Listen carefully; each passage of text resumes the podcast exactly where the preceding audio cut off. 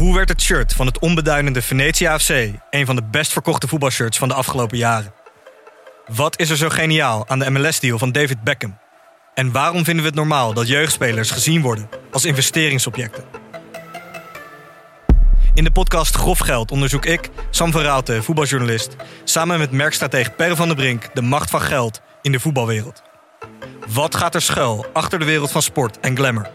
En wie profiteert er? Luister naar Grof Geld en hoor hoe de Skybox de staantribune beïnvloedt.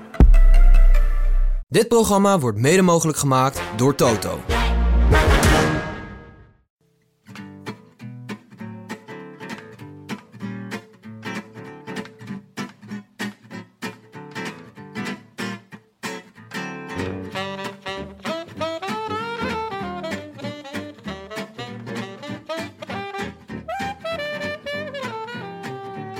Zondag 23 maart 2019, daags na het eerste monument van het jaar, Milaan San Remo.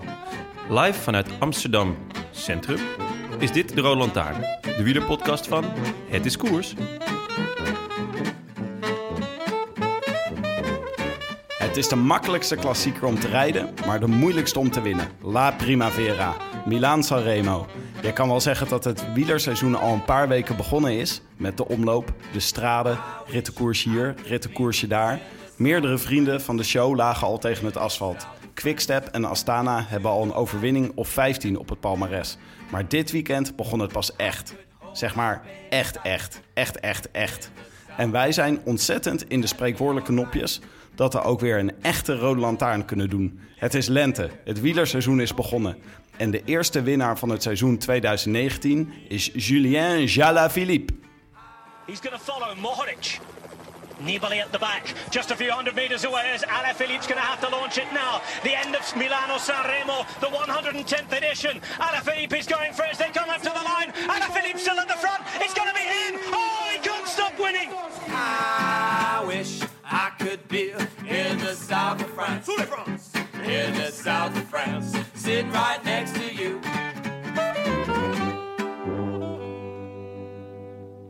Willem, je bent er weer. Ja, leuk hè? Het is weer als Hebben jullie me een beetje gemist?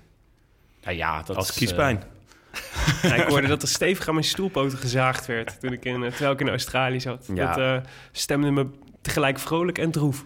Tim heeft een hele bestekla in je rug eh, gelegd. Ja. Het is ongelooflijk. Je had je hielen nog niet gelicht of eh, ja, de messen vlogen in je rug. nou, Ik heb nogthans genoten van jullie gesprekken met, eh met eh, Tusveld en Curvers. Echt leuk. Ja? Ja, Heb jij die onder een palmboompje geluisterd? Eh, volgens mij s'avonds s'avonds in bed heb ik ze geluisterd. Terwijl ik gewoon stil lag te dromen op mijn kussen. Dan hoorde ik jullie zoetgevoelige stemmen die in mij in slaap hebben, ge, heb slaap hebben gepraat. Weet je, zo possums op het dak. Ja, maar het toe in de verte. Echt, echt gewoon- heel erg leuk. Het blijft toch heel interessant, vind ik, om die gasten gewoon over hun vak te, horen praten. Het is een beetje sneu wat er naderhand met Tusveld gebeurde, maar eh, daar hebben we het straks wel over. Nou ja, het is. eh, ik, eh, ik- laat ik voor mezelf spreken. Ik heb het gevoel dat het eh, winterseizoen steeds langer duurt. Naarmate we meer Rode Lantaarn afleveringen hebben gedaan en dieper in de koers duiken. Steeds, dat het winterseizoen steeds langer duurt? Ja, dat het steeds. eh, de, het Ja, duurt steeds zo langer voordat lang de omloop er weer is. Ja. Oh ja? Ah. Dus eh, we- het is wel goed dat we deze winter eh, bij een paar renners langs konden gaan. Hmm. En met ze konden praten. Want eh, dat was wel een beetje een. eh, Wat ik het echt het allerleukste, wat ik echt het allerleukste vind, is dat eh, ik van zoveel mensen heb gehoord dat ze daardoor het gevoel hebben dat ze, weet je, dat je zo iemand een uur hebt gehoord en dat je dan eigenlijk een soort fan bent voor het leven. Dat je ze dan altijd wil volgen op alle fronten, weet je wel? Ja. Een soort van, ik heb, ik heb ze een beetje leren kennen en nu is het een beetje mijn renner geworden. dat is toch tof? ja, dat is heel leuk. Ja. Nou, er was eh, over fan voor het leven gesproken. Er was even in de wandelgangen werd even gezegd dat we misschien af mochten reizen naar het huis van eh Vino Kourov. Hè, ja. ja. Met, ook met hem een uur te Over, gaan over zitten. dingen die je tegelijk droef en vrolijk stemmen eh, gesproken. Ja, ja, Ja. precies. Maar ik heb, ik misschien heb de- met hem dan voortaan wel hetzelfde. Dat iedereen gewoon in Nederland hier Astana een warm hart toedraagt. Vanaf dat moment. Maar ja, heb jij vervolgens ook onderzoek gedaan naar hoeveel mensen naar Russisch-talige podcasts luisteren in Nederland? Ja, dat is een beetje het probleem hè, met de podcast. is Dus kunnen we wel uitzenden. Jij kan Russisch, hè, Jonne? Ja, mijn Russisch is eh, redelijk. Met een soort Wat is redelijk in het Russisch? Eh Davolne. Oh, oké. Ja. Ik kan het niet checken, maar ik geloof het meteen. Volgens mij, ik al, we hebben 23 Russische luisteraar, ru- luisteraars uit Rusland. Dus die zouden er alvast heel blij mee maken. Ja, precies. Of mensen in Rusland die naar onze podcast luisteren. luisteren. Hoeven niet per se Russen te zijn. Hè. Het kan ook gewoon vogelzang zijn. Die gewoon, eh, Ik, ik kan me goed voorstellen dat. Vogeltje, dat, dat hij groot fan is. ja. Want dat is natuurlijk geheel wederzijds. Of het was, eh, het was natuurlijk Lars Boom. Het was Lars Boom natuurlijk. Vanuit Die, eh, zijn, in zijn eh, Astana-jaren. Vanuit zijn Dacia. Nee, het was echt van de afgelopen maanden. Oh. Ik, ik, had echt, ik was diep in de statistieken gedoken naar aanleiding van deze casus. Nee, maar het was, het was heerlijk in eh, Australië, jongens. Fijn dat jullie er even naar vragen. Het was... eh, nee, ik, wel- een van de het fijnste dingen was dus... Ik heb dus... Er zit dus zes uur... Of er zit dus heel veel tijdsverschil tussen. Ik ben in Australië en in Thailand geweest. En in Thailand was ik ten tijde van eh, het, opening, het Vlaamse openingsweekend. En wat daar echt top aan was... was dat dus door die zes uur tijdsverschil... dat ik gewoon... dat ik s'avonds wielrennen kon kijken. Dus dan heb je gewoon een hele dag... heb je gewoon allerlei lekkere dingen, ge- leuke dingen gedaan. En dan ben je s'avonds thuis, liggen de kinderen op bed... ga je zo lekker op de bank zitten... en dan begint omlopend volk. Ah, dat is wel echt Dit was echt, dit vond ik echt Dan fantastisch. zeg Ja. je me wat. Echt s'avonds en finish s'avonds. Ja. Dat is natuurlijk wel... Dat geeft meer bioscoopgevoel aan. Ja, dat de Giro precies. dat nog niet verzonnen heeft. Om gewoon elke, elke avond gewoon om half elf te finishen. Ja, Ja. dat is allemaal met zo'n klein rood lampje rijden. Het zou echt chic zijn. Ja, maar daarom eh, ben ik, ik ben een groot fan ook eh, wat dat betreft van eh, de Ronde van Californië. Want die, die, eh Ja, die finisht heeft- altijd rond... eh, ja, heeft een beetje hetzelfde. ja, Ja, rond een uurtje of elf. Ja, nou niet altijd toch? Je hebt, of is dat de Ronde van Californië die dan Ja. tot één of, één of Ja, half twee gaat? Die wil ook nog wel eens inderdaad... echt zodat je denkt, lang. oh, dit is echt net te lang. Het is, Nou. Terwijl het te spannend is. Want je dan, dat, dat is dan weer net zo Ja, eentje die dan de volgende dag doorbreekt. Ja, voor mij is 1, half 2 is wel een Oh relaxte ja, tijd, ja, zeg ja, maar. voor mij niet. Dat, is, dat zijn een beetje mijn piekuren. Ja. Dus, Nou, en een an- ander hoogtepunt was natuurlijk eh, de vier sterren in de Volkskrant. Bij, in mijn absentie. Ja, Voor de Rode Lantaarn. Ja. Dat, was, dat stemde Kwam een beetje wel vrolijk onver- ineens. onverwacht kwam dat. Ineens Ja. eh, helemaal buiten het wielerseizoen. Hij dacht natuurlijk gewoon, het wielerseizoen komt eraan. Ja, we moeten daar Dus iets het is mee. een goed moment. ja, Ja. ik werd er echt eh, heel gelukkig van. Ik eh, ben trouw abonnement van de Volkskrant. Als, lid, eh, als voornaam lid van de linkse elite. Mhm. En eh, ja, dit- als je Russisch hebt gestudeerd eh, en eh, een meester in de Russische literatuur bent, dan krijg je een, eh, ben je lid van het leven. Mm. Of Krijg voor het leven. gratis Volkskrant abonnement. eh, voor de gratis Volkskrant en mag je altijd naar binnen bij de Rode Hoed. Oh. Voor de rest heb je echt Ja. niks aan het, eh, aan het diploma, maar dat is echt heel lekker. En ik lees deze recensie, want ja, eh, hij staat eh, één keer per week, geloof ik, eh, beschouwen ze een, eh, een podcast. En eh, ja, ineens stonden we er zelf, dus ik was echt, eh, ja, echt heel, Erg, ja, heel erg aangenaam verrast. Echt zeer eervol. Maar het ook. voelt ook heel volwassen om gerecenseerd te worden, toch? Het is zoiets dat je dat podcasts nu ook gerecenseerd worden, vind ik echt heel erg leuk. Ja. En dat ze gewoon ons kritisch bespraken. Bedoel, de kritiek is eigenlijk altijd natuurlijk. Het is eh, ook een beetje slap hoer. Dat was helemaal niet de kritiek. Nee, heb- maar dat is altijd. We waren eh, aan- aanstekelijk enthousiast. Ja. Dat eh, jongens een goede, goede sfeer maken en zo. Ja, maar er was een reden waarom we niet vijf sterren hebben gehad, Ja, maar dat- vier sterren. Dat begreep ik niet helemaal. Vijf, ja, maar dat is toch ook, dat is toch ook bizar- vijf sterren is het maximum, maximaal haalbaar. Dat zou toch echt belachelijk zijn voor een interviewtje van een uur. Zeg maar wat een beetje à l'improviste, maar wel leuk, zeg maar, klinkt. Jij Nou, vindt ons niet het maximaal Vijf sterren haalbare. is wat je, weet je, voor een, voor een boek waar iemand tien jaar aan geschreven heeft en wat dan fantastisch, wat fantastisch uitpakt. Nou, ik, eh, ik zou je wat zeggen. Jon en ik hebben het hierover gehad. Maar we verwachten wel echt dat we qua niveau een stapje omhoog gaan. Nu jij zo hebt opgeladen in de winter. Oké. Dus je hebt echt eh, twee maanden Ik lang heb wel echt, ik heb wel echt serieus heel veel koers gekeken al dit, eh, dit voorjaar. Echt bijna, dus ik heb echt heel weinig gemist. Met dank aan mijn Eurosport player. Die echt letterlijk alles uitzenden. Ja. Soms zonder commentaar. Eh, ik heb Zoals vandaag, vandaag. ja, vandaag geen commentaar. Wat echt best wel een raar effect geeft op de koers. Het heel raar Ja, effect. zeker als de, de tijdwaarneming daarnaast ook nog niet helemaal deugt, zeg maar. Ja. Dus je bent vroeg eh, aan het pieken. Ja, nou ja, ik, nee, maar dus, eh, over jullie eh, prachtige gesprek met Roy Curvers gesproken. Dat heeft me gewoon geld opgeleverd. Tja, Ja, Ja, ik, eh, het, het gaat dit over Kees Bol? dit gaat over Kees Bol, ja. Ik had, eh, jullie hadden in het gesprek met Curvers, hadden, je zat zo één zo'n segmentje. En dat ging over, jij had heel veel over de sprinttrein met hem. Hè, en over, eh, was er nog sprinttrein over in, bij Sunweb? Wat doe je daar eigenlijk nog, zeg maar? Ja. Als, Ja, ja. Want, want we hebben geen sprinter meer. En toen vertelde hij, nou, we zijn eigenlijk wel weer met wat jonge jongens bezig om te kijken of je weer zoiets zou kunnen opzetten. En toen noemde hij dus als een van de mogelijke doorbrekende talenten als het gaat over de sprint, ging het over Kees Bol. Toen dacht ik, dat is interessant. ja, dat heb je echt goed gedaan. Ja, en eh, toen eh, was hij reed nokere koersen. En toen dacht ik, ik ga toch eens even inzetten op Kees Bol. Op koersen. Oh, maar het ging, dus, het ging dus niet zo dat je ging inzetten op een renner bij nokere koersen en toen Kees Bol hebt uitgekozen. Maar je hebt gekozen, wat rijdt Kees Bol? En daar heb je nokere Nee, nee, nee, nee, nee, het wel uitgekozen. andersom. Ik zat, zat te kijken, ik, moet, ik dacht nokere koersen. Ik dacht, ga eens even, doe eens even, ga eens even een gokje wagen. Ik doe altijd 2 euro en zo. Het stelt allemaal helemaal niks voor. Maar toch, even, ik dacht, ga een gokje wagen. En toen was ik dat lijstje. Toen kwam straks de naam Kees Bol. En toen moest ik, toen popte in mijn hoofd Roy Curvers. Het stemmetje van Roy Curvers zat, in mijn, zat op mijn hoofd. En die vertelde, die moet je nemen. Toen deed ik dat. Mooie toen, stem ook. 1 op 101. Ik heb gewoon 200 euro verdiend dankzij jullie Roy Curvers podcast. 1 Ja. op 101 is Het wel is echt een echt grote winst quote. eh, die je erop pakt. Ja. het is Het ongelukkig. is wel zo'n winst dat je denkt... God, waarom heb ik niet even 4 euro gedaan? Ja. Ja. Ah, ik, was, ik, ik, heb dat, ik kan me gewoon niet meer herinneren dat hij toen Kees Bol heeft genoemd. Maar dat was waarschijnlijk door, eh, door de valkuil die Tim eh, toen had gegraven voor mij. Door Ja, te vragen.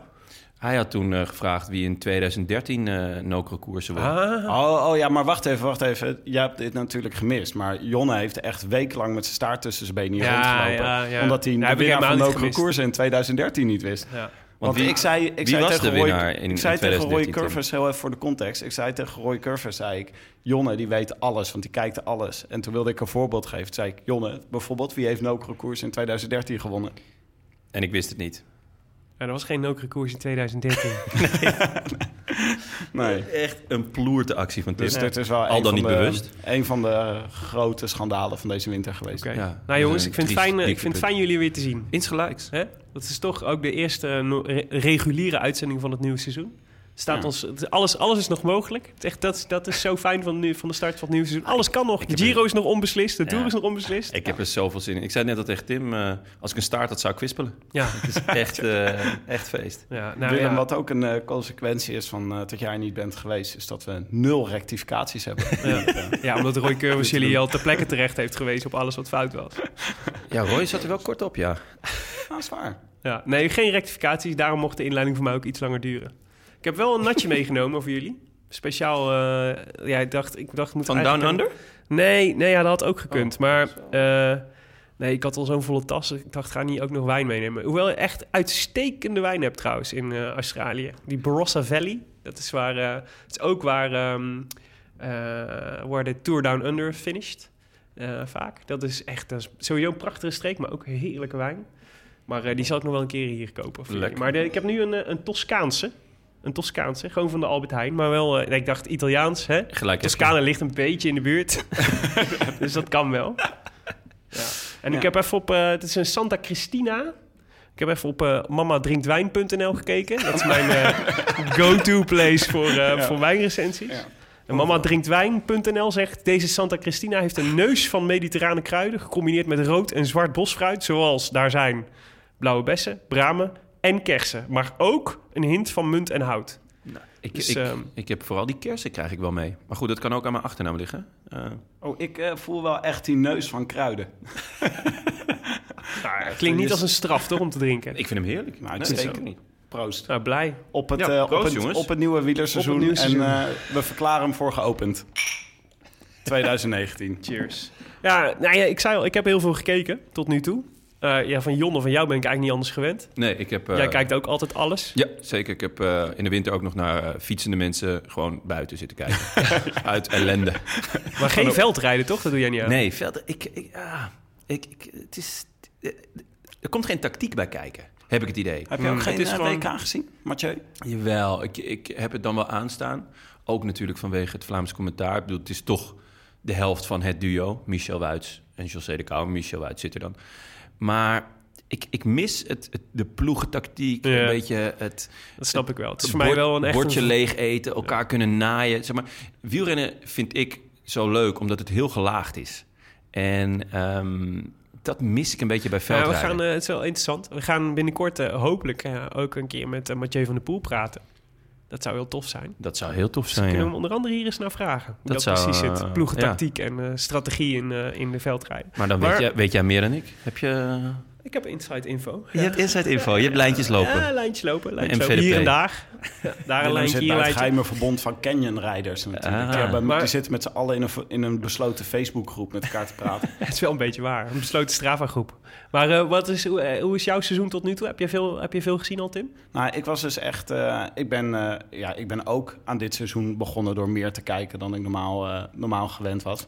Ik ben trots op jullie, jongens. Kan, dat wil ik even tussendoor zeggen. Nou, Echt weet je wat ook wel een verschil is geweest, Jonne? Ik ben, eh, ik ben echt een ronde man. Ik hou echt van de rondes. Ja. En, eh, Je bent ook een ronde man. Ik ben ook een ronde man, als je mij in levende lijven ziet. Ja, absoluut. Dat is niet waar. Kijk maar eens naar mijn, naar mijn wangen. Maar, eh, dit, maar door, jij bent een groot fan van het voorseizoen. En wij doen nu ook al een paar jaar het voorseizoen bekijken met een groter vergrootglas dan we daarvoor deden. En eh, ik zit er nu wel echt helemaal in. Ik ben nu ook helemaal met Ronde van Vlaanderen al een paar weken oh, bezig. man, ik heb er zoveel zin int- ik vind het interessante wel dat hoe, het is wel echt hoe meer je kijkt, hoe meer je ziet, zeg maar. Ja. Dus het is wel hoe vaker je naar een koers kijkt, hoe meer je ook soort van de verborgen lijntjes ziet. Dus hoe, hoe langer je eh, de tijd hebt om te zien of iemand in vorm Ja. komt of niet. Dat is wel echt heel leuk. Ja. Ja, Michiel de Hoog die eh, schreef deze week in zijn, eh, in zijn nieuwsbrief... eh, schreef hij in een Van de correspondent. Van de correspondent. Ja. Ja, schrijft van de correspondent over sport, schrijft hij altijd. Hij schreef in zijn nieuwsbrief over dat het ja, toch niet echt menselijk was om een hele honkbalwedstrijd of een hele tour-etappe te gaan kijken. Maar toen Oh. dacht ik, eh, wacht, Wow, wacht dat- even, dat, dat kan ik prima doen. Ik Als je mij zeggen, maar- vraagt om een hele vlakke etappe te kijken, dan vind ik dat ook goed. hoor. Maar maakt dat jou of ons dan bovenmenselijk? Ja, ik denk het. Ja, ik weet, hij noemde niet letterlijk bo- eh, onmenselijk, bovenmenselijk, gek. Ik weet niet meer hoe hij het noemde. Ik zie dat jullie talent van, eh, voor meanderen en, eh, en eh, wegdwalen van het onderwerp al niet verleerd zijn in het, in het winterseizoen. Want de vraag was Welk eigenlijk onderwerp? die ik je wilde stellen, Tim. ik wilde graag nog iets over mezelf vertellen. Is dit een moment? Nee, joh, Ja. de vraag die Oh. ik- wat ik je eigenlijk wilde vragen was... Wat, terwijl, met je, al die koersen die je gezien hebt, wat is, zijn er je dingen opgevallen tot nu toe? Nou, ik, eh, ja, Dylan Groenewegen zou ik willen zeggen. Ik, eh, die Lotto, die Lotto eh, of eh, de Jumbo Visma, Visma, Vistra, Ha- Haren Fischma. Visma ploeg. Ja. Jongen, jongen, wat een team hebben die dit jaar. En Zo. ze zijn nu al gewoon aan het huishouden. En ik vind Groenewegen goed. Ik weet nog gewoon dat wij twee jaar geleden grapjes aan het maken waren... hoe eh Groenewegens tactiek Ja. en de Tour de hele tijd in het 100, 100 liep. Ja. Toen zagen we hem als een soort van eh, veredelde Kenny van Hummel. Ja. Maar nu is hij denk ik de, de beste sprinter in het peloton. Ja. Hij is echt degene die geklopt gaat moeten worden. ja. Ja, hij is en gewoon, ik, eh, hij werd zelfs... Zelfs eh, gaan we ineens op eh teletext zeggen... hey, hij doet mee aan Milaan Sanremo. Daar maakt hij misschien ook nog wel een kans. ja, het is nieuws dat hij meedoet aan Milaan Ja. Sanremo. Ja. Ja. Echt een, eh, ja, ja, wat een status heeft hij gekregen in de afgelopen jaren. En wat, eh, wat heb jij opgeschreven? Nou, ik heb best wel veel. ehm, dat was nog in, de, in, het, in het staartje van mijn vakantie. Was, eh, waren Parijs-Nice en de Tirreno. En eh, dus die heb ik ook eh, voor het eerst echt heel intensief kunnen volgen. Gewoon elke dag de etappen kunnen kijken en zo. En ja, ja, in Parijs-Nice was Egan Bernal. Vond ik wel echt absurd. Dat is natuurlijk echt... We wisten dat hij al veel kon. Die Sky, eh, Sky Colombiaan. Dat hij al... Hij kon vorig jaar in de Tour... was hij super indrukwekkend. Was hij eigenlijk beter dan Froome, vond ik. eh. Ja. En, ehm, daar zit wel wat in. en, eh, Maar hij verloor heel veel hè, in de eerste week. ja, precies. Maar hij kon al, hij kon al supergoed klimmen. Maar hij ging in één keer gewoon in de waaier mee met Nase en, eh en Rowe en eh, Kwiatkowski en zo. En hij, niet zo dat je dacht van hij gaat, hij, hij, ehm, hij, hij, hij kan net mee of zo. Hij gaf gewoon die Hij waaier mee voor echt- hem. Ja, op een gegeven moment En vormde hij samen met Rowe, volgens Ja. mij, of met Kwiat, vormde hij samen één waaier. Ja, en het interessante Dat was. Bril, Brailsford was, zat in de podcast van eh, de Cycling Podcast. En die werd daarna gevraagd en die vertelde dus dat, hij, eh, dat Luke hem 's ochtends had uitgelegd hoe een waaier werkt. En, dat, is- en Toen was ging letterlijk de eerste draaien. keer dat hij dat deed. Ja, is Maar trok hij de waaier ook? Of deed hij mee in de waaier? Nee, Was hij trok, hij trok hem echt. Dus, trok maar hij hem, ging echt... Dus, dus eh, die gast, wat zal hij wegen? 60 kilo? Ja, minder, minder misschien? Maar hij trok dus gewoon die op... Met volle wind tegen trok hij gewoon die waaier op gang.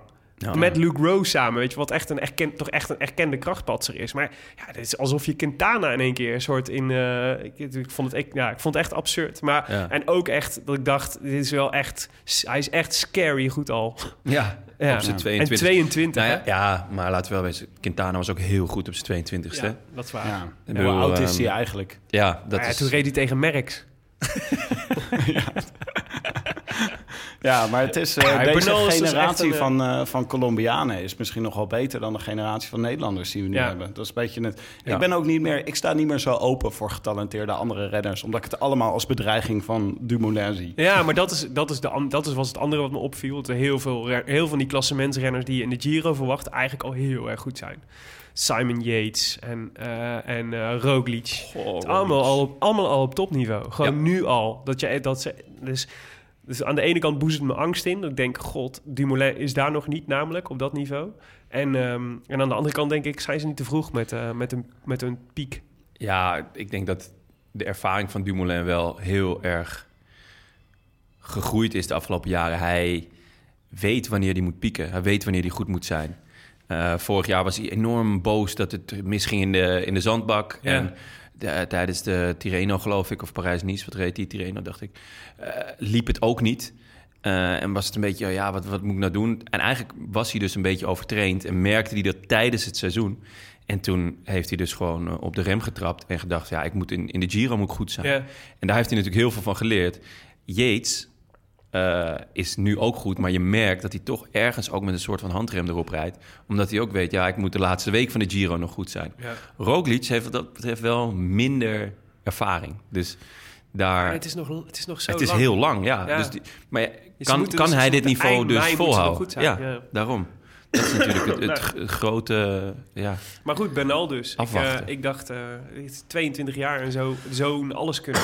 Indrukwekkend hoor. Jongens, Zeker. jullie zijn wel een beetje aan het hoesten. Het is wel een beetje nog. eh Ik Ja. denk dat het die rode wijn is. is de rode, rode wijn? Of zijn jullie zelf hout. nog een beetje naar de vorm aan het zoeken? Dat houdt dat in mijn keel schiet. Dat eh, laat ik aan de, aan de luisteraars. Jonne, heb jij nog even... Je hebt ook eh, veel gezien al. Wat, eh, heb jij al iets wat je opgevallen is? Ja, er zijn, eh, er zijn Oh, twee... wacht, daar gaat Willem Daar even. gaat Willem even. Sorry jongens. Dit is eh, de, de Australische griep. Ehm, ja, er zijn twee ploegen die gewoon ontzettend goed zijn. En dat zijn Quickstep. Nou, dat zijn we op zich wel gewend.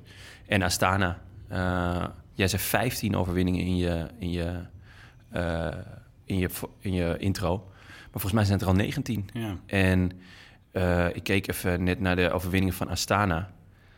Dat is gewoon ook zeven verschillende jongens die winnen. Dus dan, ben je, dan, dan is er niet één sprinter heel goed. Nee, dan is iedereen gewoon heel goed. Dus die hebben gewoon een belachelijk goede winter gehad. Eh, en ja, van Quickstep weten we het. Maar het was bijvoorbeeld ook al wel weer lang geleden dat Quickstep eh, in het openingsweekend goed was. Want ja, Lefevre weet ook wel hoe ze moeten pieken. En die, ja, die wil gewoon de ronde, Roubaix, eh, dat soort eh, koersen wil die goed zijn. Dus dat openingsweekend, ja, dat is toch wel anderhalve maand eerder. Hè, laat maar lekker lopen. Maar ja, nu, eh nu Maar er is letterlijk, gewoon... er letterlijk geen koers waar je, waar je geen quickstep-renner als favoriet kunt aanwijzen. Ja, en, Dat- en, maar vaak ook niet één, maar wel twee Ja. of drie of soms zelfs vier. Ja. Eh, want laten we wel weten, gis- eh, gisteren op de Poggio... eh Stibar trekt hem gewoon aan voor Ja, ze. ja. Dit, het is, het is zo'n ongekende luxe, maar het is ook een ongekende kwaliteit. Want dat ze nu bijvoorbeeld Jongels een, een voorseizoen laten rijden... omdat hij dat nou ja, bijna heeft gesmeekt bij Lefevre... nadat hij uh, Luik Pasnaken Luik won... En dat hij dat dan ook gewoon weer kan. Omdat hij ja, ook gewoon wel goed opgeleid wordt daar. Ja, ja. Ah, absurd. En eh, ja, dan wil ik toch nog eruit... eh, hebben misschien wel wat minder mensen opgemerkt. Maar, eh, hoe heet het? Eh, de Tour de Rwanda is ook gewoon door Astana gewonnen. Ja? Ja, ja. Merhavi Kudus. Wie heeft er gewonnen? Merhavi Kudus. Wie is dat? Ja, een, eh, de, een, eh, Eritreër, toch? Eritreër, ja, van Een Astana. Eritreër van Astana. Die, waar reed die, die Eh, reed Dimension Data? Dimension Data. En hij- sinds Ja. dit jaar is hij, eh, rijdt hij voor eh, Astana. En Maar ze daar echt een ploeg of hebben ze hem gewoon alleen er naartoe laten gaan? Dat, dat is een heel goede Dat zou vraag. echt treurig zijn Dat namelijk. is een heel goede vraag. Ik weet eigenlijk niet of hij daar... eh, Ja. dat zou, zou zomaar kunnen. Ik blijf toch jammer dat ze die Afrikaanse koersen niet gewoon ook uitzenden. hè? Ja, Dat we ook gewoon het Afrikaanse voorjaar zouden hebben. ja Oh. dat zou echt heel vet zijn. Ja. Maar het is... Veel eh, kan niet lang meer duren, want ik bedoel, Nee. als Eurosport toch al alles gaat... Als ook, waarom zou je de, de GP Denain wel uitzenden en eh, de ronde van Rwanda niet? de ronde van Gabon. Ongeveer even goede wegen dus. ja, precies. Maar is de, wat, wat maak je ervan dat die ploegen ineens zo goed zijn? Is dat nog... eh, Ja, Quickstep is natuurlijk niet opvallend. zit er nog iets achter? Ja, ja nee, nee. Eh, Ah. Ze hebben gewoon een, een, een heel goede winter gehad, blijkbaar. Ehm, Maar bij Astana valt wel op dat ze in ieder geval minder domme fouten maken. Terwijl het is natuurlijk Ja. altijd al een ploeg met supergoeie renners, altijd. Maar die Ja. ook altijd uitblonken in een soort tactisch onbenul. Ja. Dat lijkt er nu wel een beetje af. Zo ook omdat de Aru weg is hè, bij Astana. Ja, ja. Ja. Arme Aru. Gaat niet Ja, de Giro, ah, hè? Ja, Tim. Ja, het is, Moet- eh, moeten we jou nog een mij troostende schouder bieden? Of, eh, Ja, het, is, eh, het gaat met de carrière van de Aru. Ik ben een groot oeuvre-liefhebber, zoals jullie Ja. weten. Maar ik, eh, het gaat, eh, zijn carrière is, eh, maakt me een We beetje zorgen We om. hadden eind vorig jaar toch ook geconstateerd dat hij gewoon weg moest bij die ploeg. Ja, bij. UA. Bij UA. Ja. Gewoon lekker bij Sunweb gaan rijden. Knechten voor Tom. Ja, ja, Ja. precies. Daar Nee, word je maar gelukkig van. heel even voor de, voor de administratie. Hij gaat dus de Giro niet rijden. Omdat hij, eh, wat had hij, een vernauwing. Een vernauwing Een in het... eh, vernauwing in, de, in de, in in de, heupader of zo? Heupslagader, zoiets. Heupslagader. Ja, nee. Hoe heet dat nou? Ja. had- er was Ja, iets ontzettend ja, vernauwd slagader is een been, in ieder geval. Ja, Ja. en ja, ik denk Je, eerlijk gaat gezegd niet enorm, dat je, je mond op, gaat eh, enorm van openstaan als je dat is- hij had het eigenlijk kunnen aanzien komen dat er zoiets was. Maar het, het gerucht ging bij mij in de appgroep dat eh, Kruiswijk dit ook een paar jaar geleden heeft gehad. En dat hij daar toen aan behandeld is. Dat En, zijn eh, mond zo ver open stond. Nee, dat met die ader in zijn been. Ah. Ehm, ja, volgens mij is het best, is het best een klassieke uh, wielerblessure. Ja, dus, dus het, het kan natuurlijk dat, dat als eh, dit wordt verholpen, dat hij weer terugkomt. Maar ik heb eerlijk gezegd Nou naar ja, het het, is een in. beetje, het is toch een beetje... Het, het, het verbaast je er ook niet. Het is toch gewoon, gewoon zeg maar, een logisch gevolg van heel lang kwakkelen ook. Ja. Het, het is- nou ja, het, is eigenlijk, ik vond, het verbaast me. Ik las het bericht en ik dacht, ja, ja. Nee, ja, dat, ik ook. Ik vond het altijd een beetje overschatte renner. Ehm, want die keer dat hij de Vuelta won, was wel echt, echt door de ploeg waar hij reed. Zeker. Ehm, maar ja, hij heeft wel gewoon de Vuelta gewonnen. En vorig jaar die inzinking in de Giro... en daarna die, die dramatische Vuelta die hij rijdt. Ja, de, zo slecht is hij ook weer niet. Nee. Dus het leek ook op een gegeven moment wel een beetje een, een mentaal ding te worden. Ja, maar en dan blijkt er dus iets te zijn wat hij onder de leden heeft waar hij al een tijd mee rondrijdt. Bedoel, hij zei ook van hij kan geen kracht zetten op zijn linkerbeen daardoor. en Dus met- dat is wel. eh, Je zegt dat hij met een half been de Giro nog bijna heeft uitgereden. Oké, dit is lijkt me een goede cue om het even over La Primavera te gaan hebben. Zal ik de koers nog even introduceren? Want die kan ik inmiddels ook, die kan ik inmiddels ook dromen. Ja, ga je gang. ja, ik ben heel erg benieuwd. Ik vind het wel, het is een, eh, het is een ontzettend mooie koers om naar te kijken. Prachtig zo langs die wegen langs het water, prachtig landschap. Ik vind het best wel raar gede- gedeelte van Italië. Maar de koers is eigenlijk, je hebt natuurlijk die drie kap, capi, die tre capi. Die drie, eh, drie bergjes eh, ergens halverwege de koers. Dan heb je de Cipressa en, eh, en eh, de berg of de beklimming waar je iedereen naar uitkijkt is de Poggio. Waar ze dan, eh, nou wat is het, 10 kilometer of zo voor het einde eh, overheen rijden. En dan heb je nog een afdaling en een stukje Sanremo in. Dus dat is altijd, eh, en het is eigenlijk altijd een beetje een koers geweest. Het is een beetje een strijd tussen de aanvallers en de sprinters. En de sprintploegen proberen het bij elkaar te houden. Maar En die winnen heleboel- meestal. die winnen meestal tot een jaar of drie geleden. Want de laatste drie jaar is het elke keer de puncheurs die er met de overwinning vandoor gaan. Ja. En ehm, eh, nou ja, goed. eh, dit jaar eh, hadden Jonne... jaar? Even kijken, wie, wie, wie mis ik dan? Nou, je had eh Kwiatkowski. eh, oh ja, tuurlijk. Ja, tw- Kwiat, die, het, drie jaar geleden. Ja, ja, ja, ja. Toen met de Alaphilippe en Sagan. Ja. En dan vorig jaar Nibali natuurlijk vorig Nibali jaar en met nu, een ontsnapping. En nu Allah. Ja. En van de, nou, dit jaar was het natuurlijk ook weer spectaculair. Ja, het is kleine, kleine selecte groepjes blijven er meestal over, ja, tegenwoordig. Maar dat, is wel, eh, maar dat is wel leuk aan deze. Aan, het is een beetje de lelijke opening van het wielerseizoen eigenlijk. eh Milaan Sanremo, omdat het vaak op sprinten aankwam. Ja. Maar de laatste jaren verraste het toch ook elke keer weer. ja, het is gewoon gruwelijk lang fietsen. Waar niet zo heel veel gebeurt. En dan de Ja. laatste 15 kilometer is uitermate spectaculair. Nou, wat, je- wat jij hebt, eh, wat jij net vertelde over het eh rondewerk... en dat je nu toch meer voorliefde hebt voor de, voor de eendagskoers en het voorjaar. Ik, ik ben natuurlijk echt voornamelijk van koers in België... maar ook de straten en dat soort koers. Ik vond Milaan Sanremo nooit zo interessant... omdat het heel lang niks is. Maar ik Jij heb wou niet eens bespreken. We Nee. nee. waren de planning aan het maken. Het zijn Milaan Sanremo wat een kutkoers. Die hoef, Ja. niet, die hoef ik niet over te hebben. Guilty, guilty is charged. Maar ik wou natuurlijk drie weken geleden of vier weken geleden... wou ik natuurlijk de omloop en de Strade Bianchi Dat zijn bespreken. geen monumenten. Ja, kan mij dat monument niet zijn schelen. monumenten, jongens, jongen. Wij zijn monumenten, jongens. zo zien jullie er ook uit. Nee, ehm, maar ik heb, echt, eh, ik heb echt genoten gisteren. Ik heb eh, echt een puntje van mijn stoel gezeten. Ja. En, eh, en Zo spannend. Ja, ik vond het echt een heel mooi kat-en-muisspel. Het is ook best wel... eh, tekenend eigenlijk dat, eh, de, dat het parcours al die jaren bijna niet veranderd is. Omdat het dus blijkbaar eh, spannend genoeg is. Ja. Kijk, nu met Luik Bastenaken Luik hebben ze toch weer het parcours veranderd. Ja. Omdat ze toch meer en vroeger spektakel willen. En hier die laatste, nou ja, 35 kilometer, 40 kilometer... dat het, dat het gedrang begint richting eh, de eh, Cipressa en, eh, en de Poggio. En dan daarna van gaat het wel, gaat het niet, gaat het wel, gaat het niet. Oeh, wat een afdaling, jongens, jongens, jongens.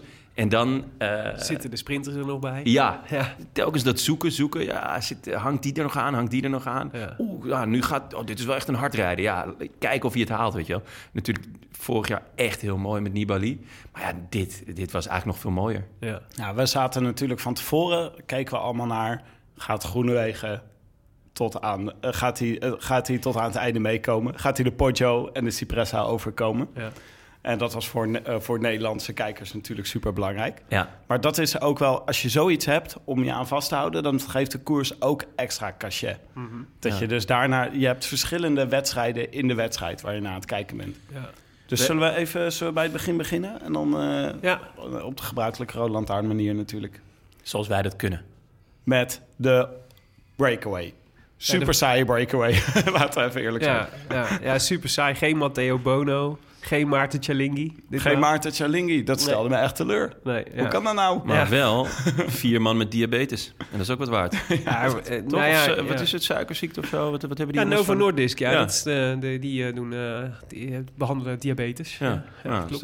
toch, Ja, dus er waren tien, tien renners waren er weg, waarvan vier van Ja, alle- Novo Nordisk. Ja, en alle, dat is een alle ploeg. ploegen met de wildcards waren vertegenwoordigd. Dat is wel Ja, leuk. en de belangrijke, de grote ploegen waren er niet bij. Maar dus het kenmerk van Novo Nordisk is dat ze eh, awareness willen genereren voor mensen met diabetes. En zelf ook allemaal diabetes hebben. Ja, dus bij Dus- deze. Heeft een van jullie diabetes? Nee. Jammer, dan kan je Nee, niet terecht nee. bij Novo Nordisk. Jij wel? Maar eh, Nee, maar wel ik heb het er graag voor over. Laten we zeggen, voor, een, eh, voor, een, eh, voor een, zo'n klein ploegje... Ik vind het wel indrukwekkend dat je met vier man in de vlucht zit. Toch? Vier van de Ja. tien. Dat is Ja, echt Dat heb je impressive. echt goed gedaan. Ja. We hadden ze af moeten maken, zou je bijna zeggen. Ja, laten Ja, we... om- doe je toch iets niet goed de rest van die vind- 300 kilometer. Ik vind het wel netjes om ze allemaal even te noemen, want ze hebben toch een, eh, een belangrijke rol gespeeld in de koers. Ja. Masnada van Androni, Jij denkt dat ze luisteren. Maestri en Tonelli. Tonelli luistert zeker. Ja, van en zijn moeder ook trouwens. Zijn moeder luistert ook. Sagif van Israel Cycling Academy, die, eigenlijk, die er eh, vorig jaar ook al in de vlucht zat. En Ja. Maestri ook. Dus die, eh, dat, die zijn hard op weg om de nieuwe Matteo Bono en, eh en Maarten eh, Cialinghi. Maarten Cialinghi te worden. Eh Raggio en Schoenberger van Neri Sortoli. En Hentala Andrea Perron. Niet de Andrea Perron die eh, ik eh, in mijn jeugd nog heb zien fietsen. Maar het is gewoon een nieuwe... Ze hebben een nieuwe Andrea Perron gemaakt. Ook niet Evita Perron. En ook niet Evita Perron. Planet? Planet? Ik weet niet hoe je dit uitspreekt. Planet. En, en Poli, wat me ook deed denken aan Eros Poli. Ja, maar Ken je Eros Poli nog? Sowieso. Jij hebt toch een Mercatone Uno shirt? ja, maar Maar dan moet ik al denken aan Eros Poli. de drie P's. Perron, hij- Planet en Poli. Poli? Poli was een renner van Mercatone. Eros Poli, zeker. Ken je Ja. Eros Poli Nee, nog? ken ik niet meer. Ja, grijs. Ah, ja, een heel ja. grijs gebied eh, zit dat mij. Maar goed, dat zijn dan tien jongens die dan van eh, die, die, die, die zitten in het, eh, aan het vertrek hebben ze al besloten dat ze in de, in de vroege vlucht gaan zitten. En daar ga je dan, eh, ah ja, wat is het, 250 kilometer lang naar kijken eigenlijk. Ja, het heeft ook wel iets, iets, iets ehm, abstracts of zo. Ja, Ik ga van, wat ga jij vandaag doen? Ik ga naar tien onbekende Italianen kijken met diabetes. Die fietsen door een beetje een raar gedeelte van Italië. Ja, Om vervolgens door alle anderen weer ingehaald te worden. ja. ja. Ja, Maar het is de beetje- spanning. Het, is, het gekke is ook dat je alsnog ogen en oren tekort komt. Dat ik dan achteraf denk, jezus, het ging te snel. ja. Dat vind ik knap van je, Tim. Ja, dat vind ik dat echt knap. Maar eigenlijk is het dus de hele tijd is het wachten op eh 30, wat is het, 35 kilometer voor de Ja, streep? eigenlijk vanaf 35 kilometer wordt Is- het echt... eh, ja, het is de aanloop naar de Cipressa. En dan Ja. de Cipressa is eigenlijk de eerste echte scherprechter. Dus daar zie je eigenlijk van wie is goed, wie niet. Dan, Ja. die, die wordt die kopgroep teruggehaald en dan begint het eigenlijk echt. Maar die 250 kilometer daarvoor is natuurlijk heel relevant. Want er zijn maar weinig wedstrijden die zo ontzettend lang zijn. En voor heel veel jongens is het de eerste keer dat ze, dat ze zo'n afstand rijden. Groenewegen, Mike Teunissen bijvoorbeeld, hadden hebben nog nooit zo'n wedstrijd gereden. Dus altijd afwachten hoe ze erop reageren. Ja, en het eh, is ook in het voordeel van de wat oudere renners. Ja, want je hoe ouder je wordt, hoe meer van dat soort lange afstandsvermogen je krijgt. Ja. En voor de kijker is het natuurlijk spannend ehm, welke ehm, reclames dit keer bij Eurosport eh, de boventoon gaan voeren. Ja, Want ja, de Two Cities One Break eh, was er helaas nog bij. Hij was er weer. Ja, die hebben gewoon... eh Ik kan wel gemist hoor, moet ik zeggen. Two, Two Cities One Break? Ja. Het was een nieuwe Alpecin. Matig. Echt. Vond je matig? Ja, het is gewoon... Ze, hebben- ze hebben echt bezuinigd. Er zit geen wielrenner meer in. Ze hadden echt beter die, die oude curves reclame Ja, gewoon cu- kunnen pakken. Gewoon twee minuutjes. Ja. dat was top. Maar dit was echt dramatisch. Ja. W- w- Wat was de vraag? Are you a man? Do you have hair? Do you love it?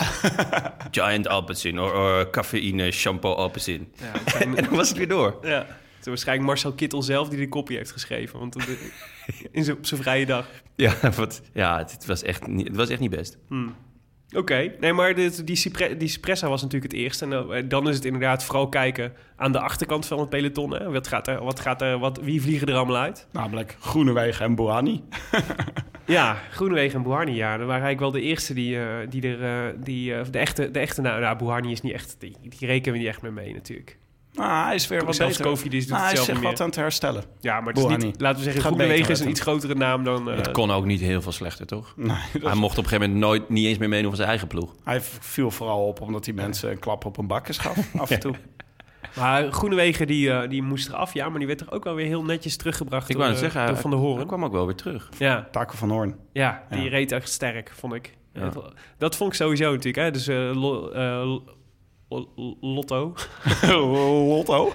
Jum, Jumbo. Jumbo. Jumbo. Jumbo. Die had natuurlijk, eh, ze hadden sowieso een super jonge ploeg. Maar die gasten die hebben het eigenlijk allemaal heel erg goed gedaan, vond ik. Ja. Echt indrukwekkende prestatie. Maar Van de, het, eh, van de Horen die, de, die bracht eh, Groenewegen keurig weer terug in het peloton. En hij bleef iedere keer Groenewegen zo net Ja. aan de achterkant hangen. Dus je zei, het was niet, hij kwam niet heel veel macht tekort om nog om, om mee te komen. Ja, hij was ook was niet ontevreden hè, na afloop. Snap ik, ja. Hij zei, dit komt wel goed. Moet wel zeggen, Over, was eh, ook niet over per se de komende jaren. de allerzwaarste editie die ik heb gezien. Nee, ze hielden heel lang eh, hun Ja. kruid droog. Ja.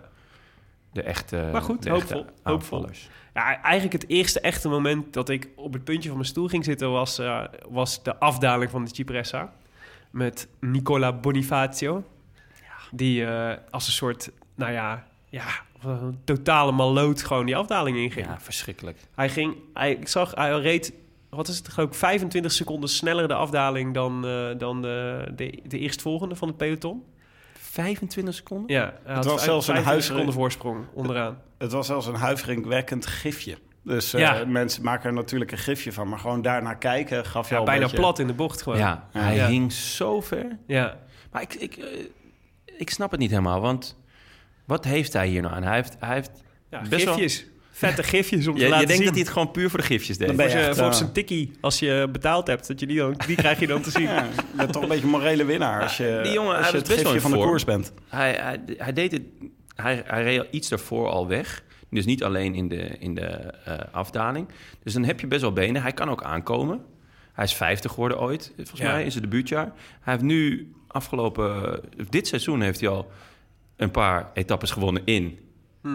La Tropicale Amisabongo. Oh ja? Ja, ja, Ja. waar die eh, gek Dat is genoeg... een van de weinige koersen die ik dit Heeft jaar niet het- gevolgd Heeft heb. hij het eindklassement gewonnen, toch? Ja, zelfs. En eh, gek genoeg versloeg hij eh, de gorilla daar.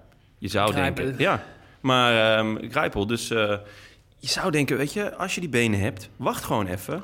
Misschien doe je nog wel mee. Maar, ja, maar ik denk dat dit gewoon... Het zijn natuurlijk ook een heleboel van die renners... die willen gewoon even vooraan rijden. En even Ja, laten dit- zien hoe goed en hoe cool ze Hij is, zijn. dit is gewoon zo'n eh, Mike Teunis in het bos van Valère momentje.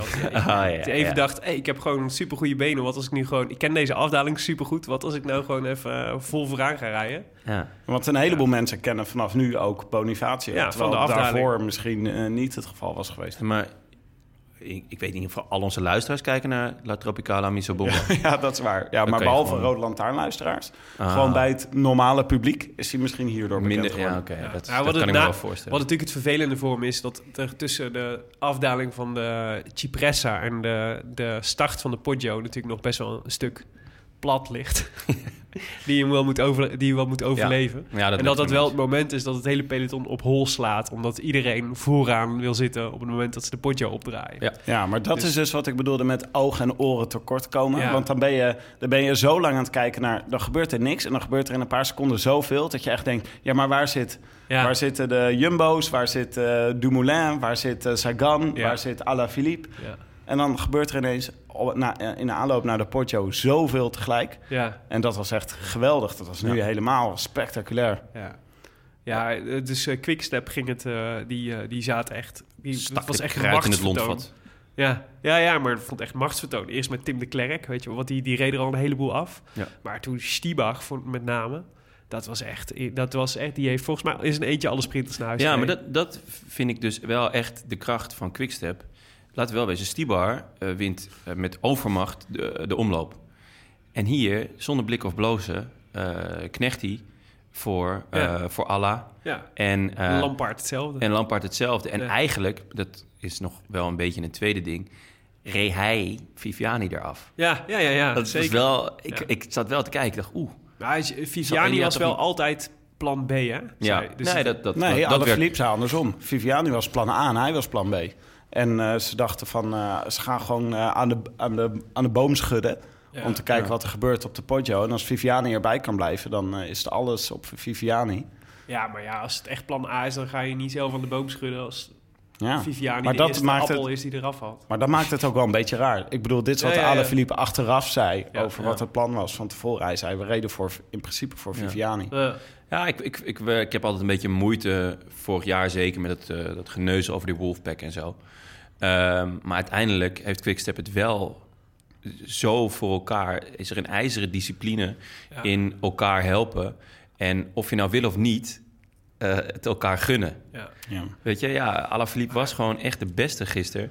En Stibar, die rijdt gewoon zijn kloten Ja, eraf voor. Gilbert ook, hè? Gilbert was Ja, ook ja, goed, ja, zeg. ja. Ja, maar ze, kijk, ze snappen gewoon allemaal dat ze er wat bij te winnen hebben. Dat er, al, Ja. dat, ze, dat er altijd een volgende kans komt... waarbij zij degene zijn die, eh, die eh, vijf van die toppers achter zich hebben zitten... die de boel afstoppen. Ja. En dat is natuurlijk... Nou, ja, en dat is volgens mij ook het effect van zo'n seizoen... als dat ze vorig jaar hadden.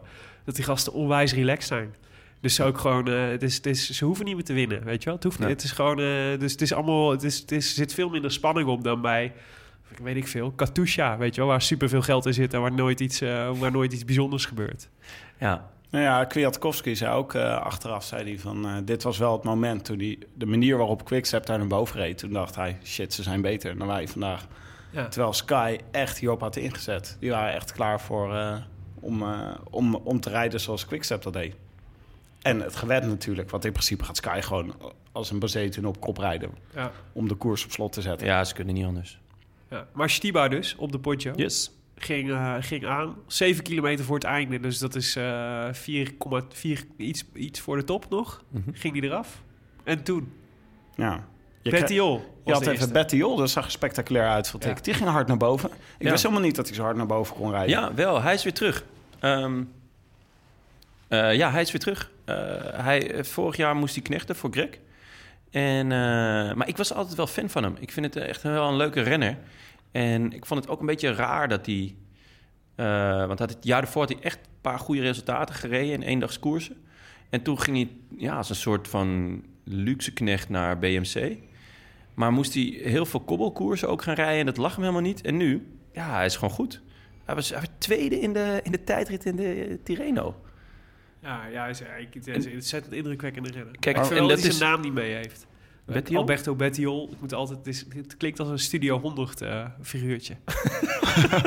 Wat dan? Die Samson, gastrol en in Alberto Bettiol. Ja, ja, klinkt toch hartstikke goed. Ja, ah, het is wel... 100. De, om nog even op die, die tijdrit terug te komen. Ze hebben daar een nieuwe tijdrittrainer. Pieter Schep, Ja, eh oud baanwielrenner. En het is insane wat eh, Education First laat zien eh, in, in, in tijdritten. Het is echt... eh laatst hadden ze geloof ik... voordat we rectificatie geven- krijgen. Peter Schep. Is het Peter Schep? Oh, ja. ja. Eh, goeie, Maar het thanks. is wel interessant, omdat Cannondale beroemd was om slechte tijdritten. Ja. En eh, dus... eh, Slechte tijdrit fietsen, ja. Ja. ja. slechte tijdrit fietsen en daardoor Ja. slechte tijdritten. Maar blijkbaar hebben ze het roer omgegooid. Ze Ja. rijden nog steeds op Cannondale fietsen, toch? Of niet? Volgens mij wel, ja. Ja, dacht ik wel. Ik zal het even opzoeken voor je. Ja, anders dan... eh, ik, ik merk dat er heel veel angst is voor eh rectificaties, Foutjes, jongens. ja, ja. Ja, ja, ja. We zijn echt nog... De angst regeert. ja. We zijn een beetje zoals peloton in de aanloop naar de Poggio. We zijn gewoon nog een beetje aan het eh, voorzichtig. Maar goed, ja, Betty Hill ging. En daarna En daarna... ging Ale Philippe. Ja, Ik denk dat hij twee momenten van de aanvallen heeft gehad. Of twee gokjes. Zo toch mooi als je twee van dat soort wapenen hebt. Of je rijdt gewoon iedereen eraf op de Poggio. Of je denkt, nou ja, als het weer bij elkaar komt, heb ik ook nog altijd mijn sprint. Want ik ben ook de beste in de, in de Ja. sprint op het moment. Ja. Maar Alaphilippe, hij kwam niet weg. En eh, op dat moment was het wel, wat ik hier echt fantastisch aan vond...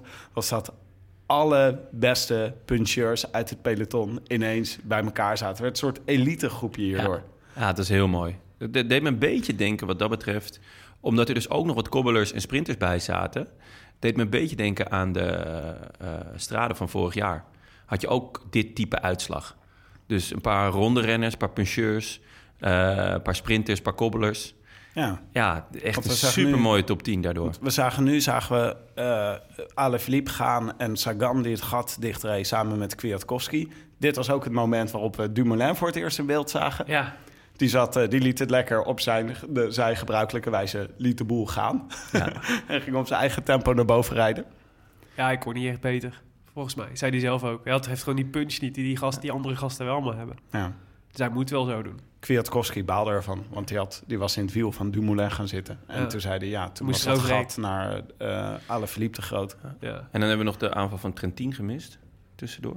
Nee, die komt daarna, toch? Ja. Zat hij niet daarna? Ja, pas er al vrij Oh, toen, ja, ja, die moest, omdat Dumoulin moest lossen. Ja, nee, dat zit- ja. Ja, want Nee, maar het was een super, super indrukwekkend groepje. Nase zat erbij nog. Zo, Die ook super goed reed. die is goed zeg. Eh, Kwiatkowski, Sagan, eh Mohoric ja, eh, en Wout van Aert. Valverde. Echt geweldig. Valverde werd gewoon Valverde. bijna niet eens Ja. genoeg, hè? Valve- ja, Nibali ook niet. Ja, Nibali die en zat er ook Valverde gewoon bij. Ja, ja. ja.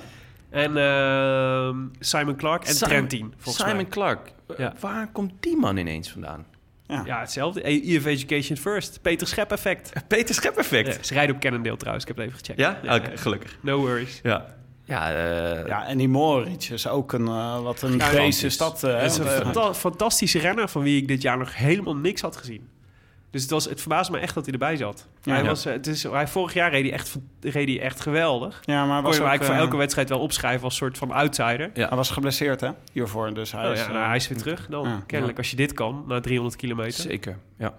Ja, maar dat is ook... eh, en die is 24 of zo, hè? Dus Ja. dat is echt... maar en 24 en zo iemand die het vermogen heeft van iemand van Van Lijf Holster van 36, Ja, weet je wel? Dus dat is echt... on- Tim, mag ik eh, je bedanken dat we reeds in aflevering 1 van dit nieuwe seizoen... het Dat is een van mijn, eh, dat- mijn grote voornemens. Ja, dat, eh, dat, dat we het meer over Lijf Holst hebben in, zeker. in de Rode Lantaarn. ja. Ja, blijf van mijn lijf. Maar ik stond hier dus echt springend voor de tv. Want dit was wel echt eh, geweldig. Ja, dat eh, eh, geweldig. En eh, de volgende aanval was dus van... We noemden net al even Trentin. Ja. En toen zag ik Wout van Aert, zag ik hem terughalen. Ja. Ja. Zo gemengde gevoelens had ik daarbij. Omdat ik in de voorspelbokaal Trentin had opgeschreven. En terecht. Wist jij veel dat hij bij Danny van Poppel in de leer was geweest? Jongen, jongen, wat Hoezo? een dom... Verkeerde, verkeerde moment? Wat een domme Verkeerde gok. aanval. Ja, wat ik snap een het domme ook niet zo goed aanval. waarom hij dat deed. Hij, als je gewoon puur naar de namen kijkt, is alleen Sagan intrinsiek sneller dan hij, toch? In de sprint. in de sprint. Ja. Ja, en Alain Philippe tegenwoordig. En bij Sagan zou je nog kunnen zeggen, die is echt niet op zijn best. Nou ja, hij, nee, sterker nog, die reed een verschrikkelijk slechte sprint. Ja, Eh, ja maar dan weet je niet, dan weet je pas En na afloop. Nee, tuurlijk, maar... En dan ga je een aanval plaatsen. Ik snapte er helemaal niks van. Nee, het waren echt al Mohoric en Van Aert, daar had ik het van verwacht, zeg maar. Ja. Die moeten wel, want die kunnen het niet winnen op de, die kunnen niet winnen op de sprint. Nase verbaasde me eigenlijk dat hij op de sprint wachtte, maar goed, achteraf valt er wat voor te zeggen als je tweede ja, wordt. Ja, En, eh, maar eh, Trentin vond ik echt Trentin, ik hij deed- absurd, ja. klopt. Hij deed het vorig jaar volgens mij ook al. Was dat, Ja, het is was dat denk in de omloop? Het dat is dan dat toch uiteindelijk gewoon dus dergelijke... on- onzekerheid. Dat je denkt, ja, ik weet het niet. dit- weet- Ja, maar Ja. Het is, het is, dat is natuurlijk wel wat de echte winnaar onderscheidt van de net niet winnaar. Is Ja, dat je durft te wachten. Het is gewoon een heel slechte keus. Misschien Ja. ook heel even En ook, hij over- gooide dus ook dus Van Aerts eh, eh, glazen in. Want Van Aert zei na afloop dat hij, dat hij dacht dat het een beslissende aanval was van Trentin. Ja, Eh, dus dat hij daarom op zijn, op zijn wiel sprong. Eh, maar dat hem dat wel de, de uiteindelijke punch in zijn sprint heeft gekost. Hij Ik denk- ik kan ik- beter sprinten dan dit. Maar hier ligt ook in besloten waarom Trentin het deed, denk ik. Omdat Trentin gewoon supergoed is op het moment. En die dacht, ik ga hem gewoon op deze manier... ik ga hem gewoon met de definitieve aanval ga ik hem pakken vandaag. het zou kunnen. Ik vond het wel vet om te Hij zien. reed echt eh, goed, hoor. Hij was ook... eh, Ja, hij was, hij was ook echt goed. Maar hij is, hij is het hele voorseizoen tot nu toe is hij al goed. Eh, zat er een jaar naast, hè?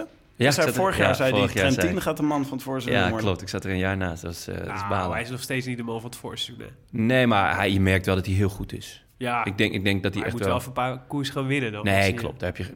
Ja, hij, heeft- hij heeft al wel wat gewonnen natuurlijk. Eh, Ja, ronde van Valencia, de ronde maar van nee, het voorjaar is alle verliep natuurlijk. Dat nee, absoluut. Laat dat voorop staan. Maar ehm, ja, dit, dit was echt heel dom en, en onzeker. Ja. Maar wel leerzaam voor Van Aert trouwens. Ja. Want Trentin gaat... Sagan zet heel even aan en zegt daarna... weet je wat jongens, doen jullie het maar. Wat ik heel vet vind. Ik bedoel, het is pokeren van Ja, op het allerhoogste Die niveau. durft. Ja. En Van Aert denkt... Shit, ik moet hem gaan halen. En die gaat hem halen. En dan ben je daarna... de volgende in de lijn. Dat is een soort, en dan eh, daarna ben je dus je, je, eh, je sprint kwijt. Want eh, Van- Aert zei na afloop van ja, dat ik hem daar ga halen, dat is misschien niet zo slim. Want ja, daardoor had ik, had ik gewoon minder over in de sprint. Moeten we het nog even over Dumoulin hebben? Ja, dat was, eh, wat, wat was die aan het doen op dit moment? Want eh Matthews zat er vlak achter.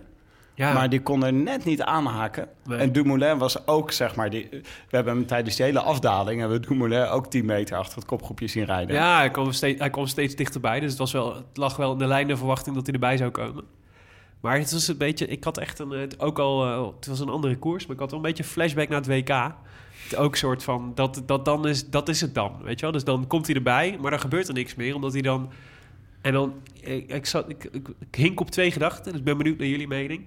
Dus aan de ene kant denk ik, ja, het is logisch. Als je zo'n eh, zo'n inspanning hebt gedaan, ben je kapot. Dan, dan kun je, ben je blij dat je, dat je aangesloten bent. En dan kun je eigenlijk niks meer. Maar aan de andere kant denk ik, ja, maar de reden dat je aansluit daar...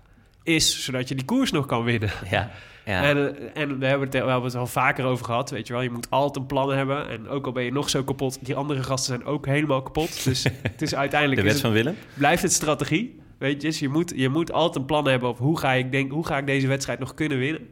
Maar ook nu weer, hij deed niks. Hij deed, hij deed gewoon, hij haakte, hij ging niet eens een sprint meer aan. Hij ging gewoon, eh, hij, hij ging rechtop zitten, zeg maar, toen, eh, toen eh, eh, wie ging als eerste aan? Moritz ging als eerste. Ja, ja. Dus als, ik, ik weet niet, ik was een beetje in, in dubio over deze... Ja, volgens mij kan hij gewoon niet meer. Ja. Ik denk dat hij gewoon niet meer kan. Want dat is ook volgens mij heel vaak het antwoord op, op die vraag. Ja. Eh, aan wie hadden we nou ook weer... Met wie hadden we nou laatst besproken? We hebben het laatst met iemand hierover gehad. Waarom ging je niet meer...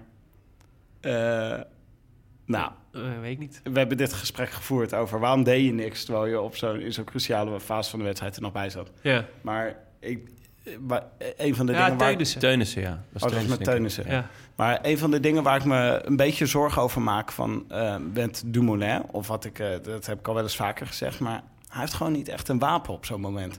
Dus ik weet ook niet wat hij moet doen, want hij heeft niet echt de demarage, hij heeft niet echt de sprint. Ja, hij heeft niet echt een demarage. Als je ti- eh, die- Dumoulin 10 meter geeft, haal je hem niet meer bij. Ja. Dus het is ook de, hè, de, de reden waarom hij naar zo'n groepje nog toe kan rijden. Weet je, er zijn geen, er zijn geen eh, amateurs die daar... er is een groep van 10 man met de beste renners van eh, de- ter wereld. nou ja, Weet maar, je wel, die, die met elkaar kop over kop. En ze vallen, er was volgens mij één momentje dat ze stilvielen. En daar profiteert hij dan van. Maar hij rijdt wel gewoon dat gat dicht in zijn eentje. Weet je wel? Dus hij, dat kan niet. Ja. Dus als hij 10 meter heeft, dan, haal je, dan is het... Ja, wie gaat Dumoulin nog halen? Nee, dus dat was hetzelfde als de, de Van Aert-strategie. Was ook geweest... Hè, wie gaat Van Aert halen als maar hij hij... komt eh, nooit in die situatie dat hij die 10 meter heeft in zo'n eh, in zo'n ja, race. maar een scenario wat wel voorstelbaar is, is dat er iemand wegrijdt en de boel helemaal, een heleboel mensen eraf rijdt en dat Dumoulin degene is die het gat nog wel dicht kan rijden. Ja. En dat hij dan met z'n tweeën op de finish afrijdt. Dus dat is een scena- scenario, zeg maar als Moritz was gegaan... of eh eh, Nase was gegaan... dan had Dumoulin misschien nog wel mee kunnen gaan. Misschien wel meer dan de concurrenten die hij op dat moment Ja. bij zich, eh, Ja, bij zich had. of, en dat zou natuurlijk een stuk chiller zijn, is dat hij een iets betere ploeg heeft. Ja. Kijk, als er iemand nog met hem is, dat niet hij zelf dat gat helemaal dicht hoeft te rijden. Eh, want het is wel vaker, hij zit toch wel heel vaak alleen. Ja. Kijk, als er nog iemand mee is die dat gat dicht kan rijden, dan heeft hij daarna. Maar ja... Dan nog wel die versnelling. wat- ja, weet- al die gasten zaten alleen. Nee, Ja, is ook waren zo. alleen vier de diabetes-renners die met z'n vieren zaten. Maar voor de rest Nee, in- gewoon in- iedereen alleen. In deze, koers, in deze koers is het misschien wel lastig. Maar bijvoorbeeld in grote rondes eh, ja, is hij toch te snel alleen en moet hij het toch Ja, ja, te, dat is natuurlijk waar. te vaak in zijn eentje oplossen. Ja. Maar ja, ik zou, dit zou ik wel ik, hier zou ik wel benieuwd naar zijn. Zou nou een strategie te bedenken zijn waardoor je als Dumoulin dit beter had kunnen doen? zeg Ja, maar? als- Zou die zichzelf iets verwijten? Mm, dat denk ik niet. Als je kapot zit, zie je kapot. Ja. Ja, en toch denk ik dan, toch is als er maar 1% kans dan moet je... Dan, ja, want hij sluit aan in die groep, weet je. Ja, jij zit je erop, erop en erover te denken. Ja, Al is het alleen al vanwege de heerlijke uitspraak. Gewoon Ja. in Erop en tijd, tijdrithouding en dan gewoon aan de andere kant van de weg. Ja, ja, ik, ja, ja, precies. Ja, misschien is dat het lijkt me wel wat. Maar ja, ik, ja, ik zit ook maar gewoon te hopen. Ik had ook gewoon 2 euro op Tom Dumoulin staan. Wat was de quote? Ja, t- 201 tegen 1. Echt belachelijk. Dat is echt een belachelijk. Ja, dus het was, eh, ja, weet ik veel. Of vind ik het knap dat hij elfde wordt. Ja, maar hij reed hartstikke goed. Het was echt fantastisch. Ja, ik vind ook dat hij met zulke, met zulke klassieke specialisten mee kan. Ja. Ik vind dat nog steeds Beste, ongelooflijk. zijn beste uitslag ooit eh, in een monument, hè? Tot nu toe. Maar dus je, je ziet het Froome zie je het ook nooit doen. Of Thomas zie je ook niet in deze fase van klassiekers meerijden. Ja. Ja, Thomas vroeger wel natuurlijk, maar inmiddels niet meer. Nee. Ja, nou ja, goed. Sinds hij eh, een lichtgewicht is geworden. Ze- niet meer. zeven jaar geleden. Froome is toch nooit aan de start verschenen? En dan eh, leuk om misschien ook nog even te hebben over... want op dit moment begint de sprint. En eh, tactisch was eh, deze sprint, denk ik, van Sagan... toch wel een van zijn slechtste ooit. Ik vond het wel hilarisch dat hij... Nou ja, je kan, het is best wel moeilijk om vast te leggen... wat precies een moment is waarop je het fout doet. Maar dit keer bij Sagan kon je wel een stuk of tien momenten noemen... Ja, waar hij zat echt heel beslissing vaak nam. in dat hij helemaal vooraan zat. Ja. En dat hij dacht, ja, wat doe ik hier eigenlijk? Ik zak even uit en dat doet hij wel vaker. En dan het wiel van Valverde Hij- hij-. En, Hij kan dat op zich, maar hij liet zich insluiten en hij reed echt, echt een slechte sprint. Echt, want kijk, het moment dat deze jongens eh, op de finish afgaan, ja, ik had blind eh, Sagan opgeschreven. Ik had het gevoel ook dat Sagan wel harder ging dan Alaphilippe op het la- eh, in de laatste Ja. zeg maar 20 meter. Ja, maar hij, Kwam, pas, hij kwam pas heel laat eh, uit het zadel, omdat hij daarvoor ook ingesloten zat. Maar dat, hij had zich in laten sluiten. En dat Ja. is iets wat Sagan... Ja, ik kan me dat niet herinneren dat hem dat eh, is gebeurd. Maar heb je die massasprint van eh Alaphilippe in de Tirreno gezien? Zeker, zeker. Hij is, hij is niet langzaam, hoor. Hij is absoluut niet langzaam, laat dat voorop staan. Maar dat was wel een foefje hè, van eh, Quickstep. Ja. Quickstep liet Ja. een gaatje vallen. Iedereen lette Hij op... had ook gewoon de snelheid. Ja, het zeker de snelheid. Maar eh, ten eerste deed Richese die deed een, een lead-out. Nou ja, ja, wil mijn eigen kwaliteiten niet overschatten. Maar als ik achter Richese had gezeten, had ik ook nog wel een tijdje mee gekund. en toen liet, eh toen liet Quickstep heel slim een gaatje vallen. Ja, Eh, ja dat is wel en waar. iedereen focust op Ja. Viviani. Maar toch, Maar alsnog, eh, zeker. ja. Ze vroeg aan Sagan, van, aan, van tevoren vroeg ze aan Sagan, wat uh, betekent, what, what is uh, Milan Sanremo for you? En then he said, a cycling contest. Ja, het is prettig dat tenminste van alle medische kwaaltjes die Sagan heeft, dat hij dat nog niet verloren is. Nou, trouwens, de reclame van Sagan was wel indrukwekkend, zeg. De, heb je die gezien? Waar die dan, hij slaat allemaal dingen kapot en dan komt er zo verf uit. En uh, Maar die heb ik helemaal niet gezien, joh. het is voor, uh, waar is het eigenlijk voor? Ik neem aan voor Zo, zo Oh, slecht, waarschijnlijk voor die fornuizen, toch? Ik wou net zeggen, de Nee, het is niet voor kookspullen Bora. en Het is zo. voor Hè? iets- volgens mij voor iets anders. geen Cooking Revolution. Nee, het, was geen, het had niks met Cooking Revolution Misschien te maken. is- Het was in een pak gekleed. Allemaal vazen met verf of zo erin. Ik leg dit waarschijnlijk heel slecht uit, maar ik, Maar heb je dit niet gedroomd? Je bent ziek geweest toch, de Ja, afgelopen Heb je, al tijd? veel, heb je al veel gedronken? ik was wel een beetje ziek terwijl ik aan het kijken was. Dus misschien is dit... eh, Ik heb dit gewoon helemaal Oké, niet. ik, kom hier, eh, ik kom hier op terug. Misschien, eh, misschien ben ik... eh, misschien heb ik iets in mijn hoofd. Misschien, ik wou net zeggen, misschien is de Cooking Revolution een beetje naar je Ik hoofd wil me heel graag zien nu, dat is Ja. zeker. Je hebt me wel geprikkeld. Ja, ja. Maar mooi. Maar goed, de, de, de top 10 dus. Eh Julien of Alaphilippe eerste. Naast de twee Kwiatkowski, Sagan, Mohoric, Van Aert, Valverde, Nibali, Clark en Trentin. En Ja. elfde Dumoulin. Ja. Wat een elite, elite top 10. Ja, en, en, nogmaals, Simon top Clark. 11. Elite top 11. Sorry. Elite top 11. Ah, dan mag je Matthews ook nog wel noemen. 12. Hoe hebben de vrienden van de show het gedaan? Nou, Mike Teunissen, 18e bij zijn debuut.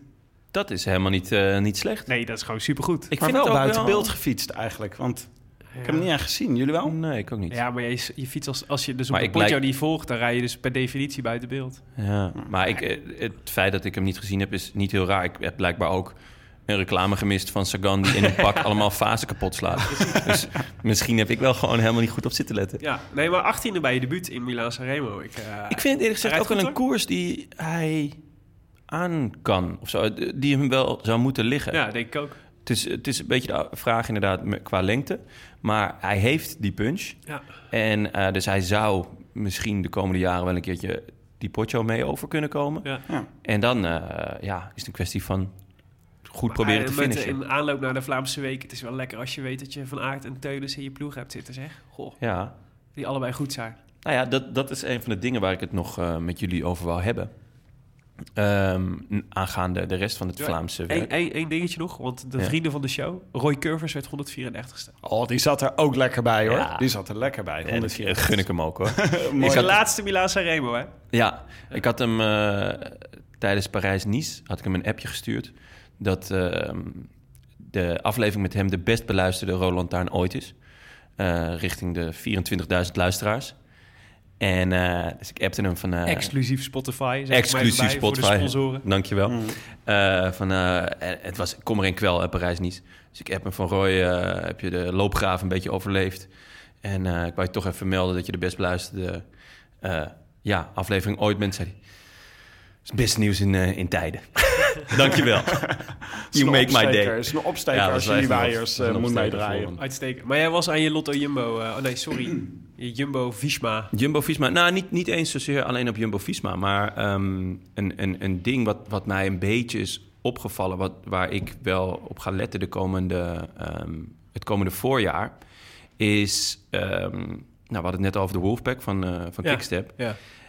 Eh, je, je- bij, je ziet een beetje een tweedeling. Er zijn een aantal ploegen die dit op een bepaalde manier hebben geprobeerd eh, te kopiëren. Ehm, je, je hebt natuurlijk de klassieke kopman en iedereen werkt voor de kopman. Nou ja, dan zit Van je bij Avermaat. ja, Van Avermaat, Sagan, eh Nase. Ja. Maar, en, en heb- maar je, hebt- vorig jaar had je natuurlijk dit heel sterke blok van, eh van Quickstep.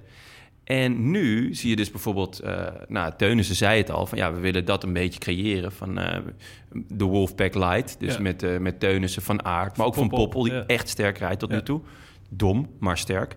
Ehm, maar bijvoorbeeld ook Trek. Trek heeft Stuiven, Pedersen, Ja. Degenkolb. Ehm, Astana. Komt met, met een sterk blok. Kort Nielsen, supergoed tot Ja, klopt. En ehm, wie vergeet ik nou? Oh ja, eh UA Emirates met Christophe, Gaviria en Philipsen. Dus je, er is een soort van ehm, ja, eh, tweedeling van ploegen die echt voor die klassieke kopman gaan.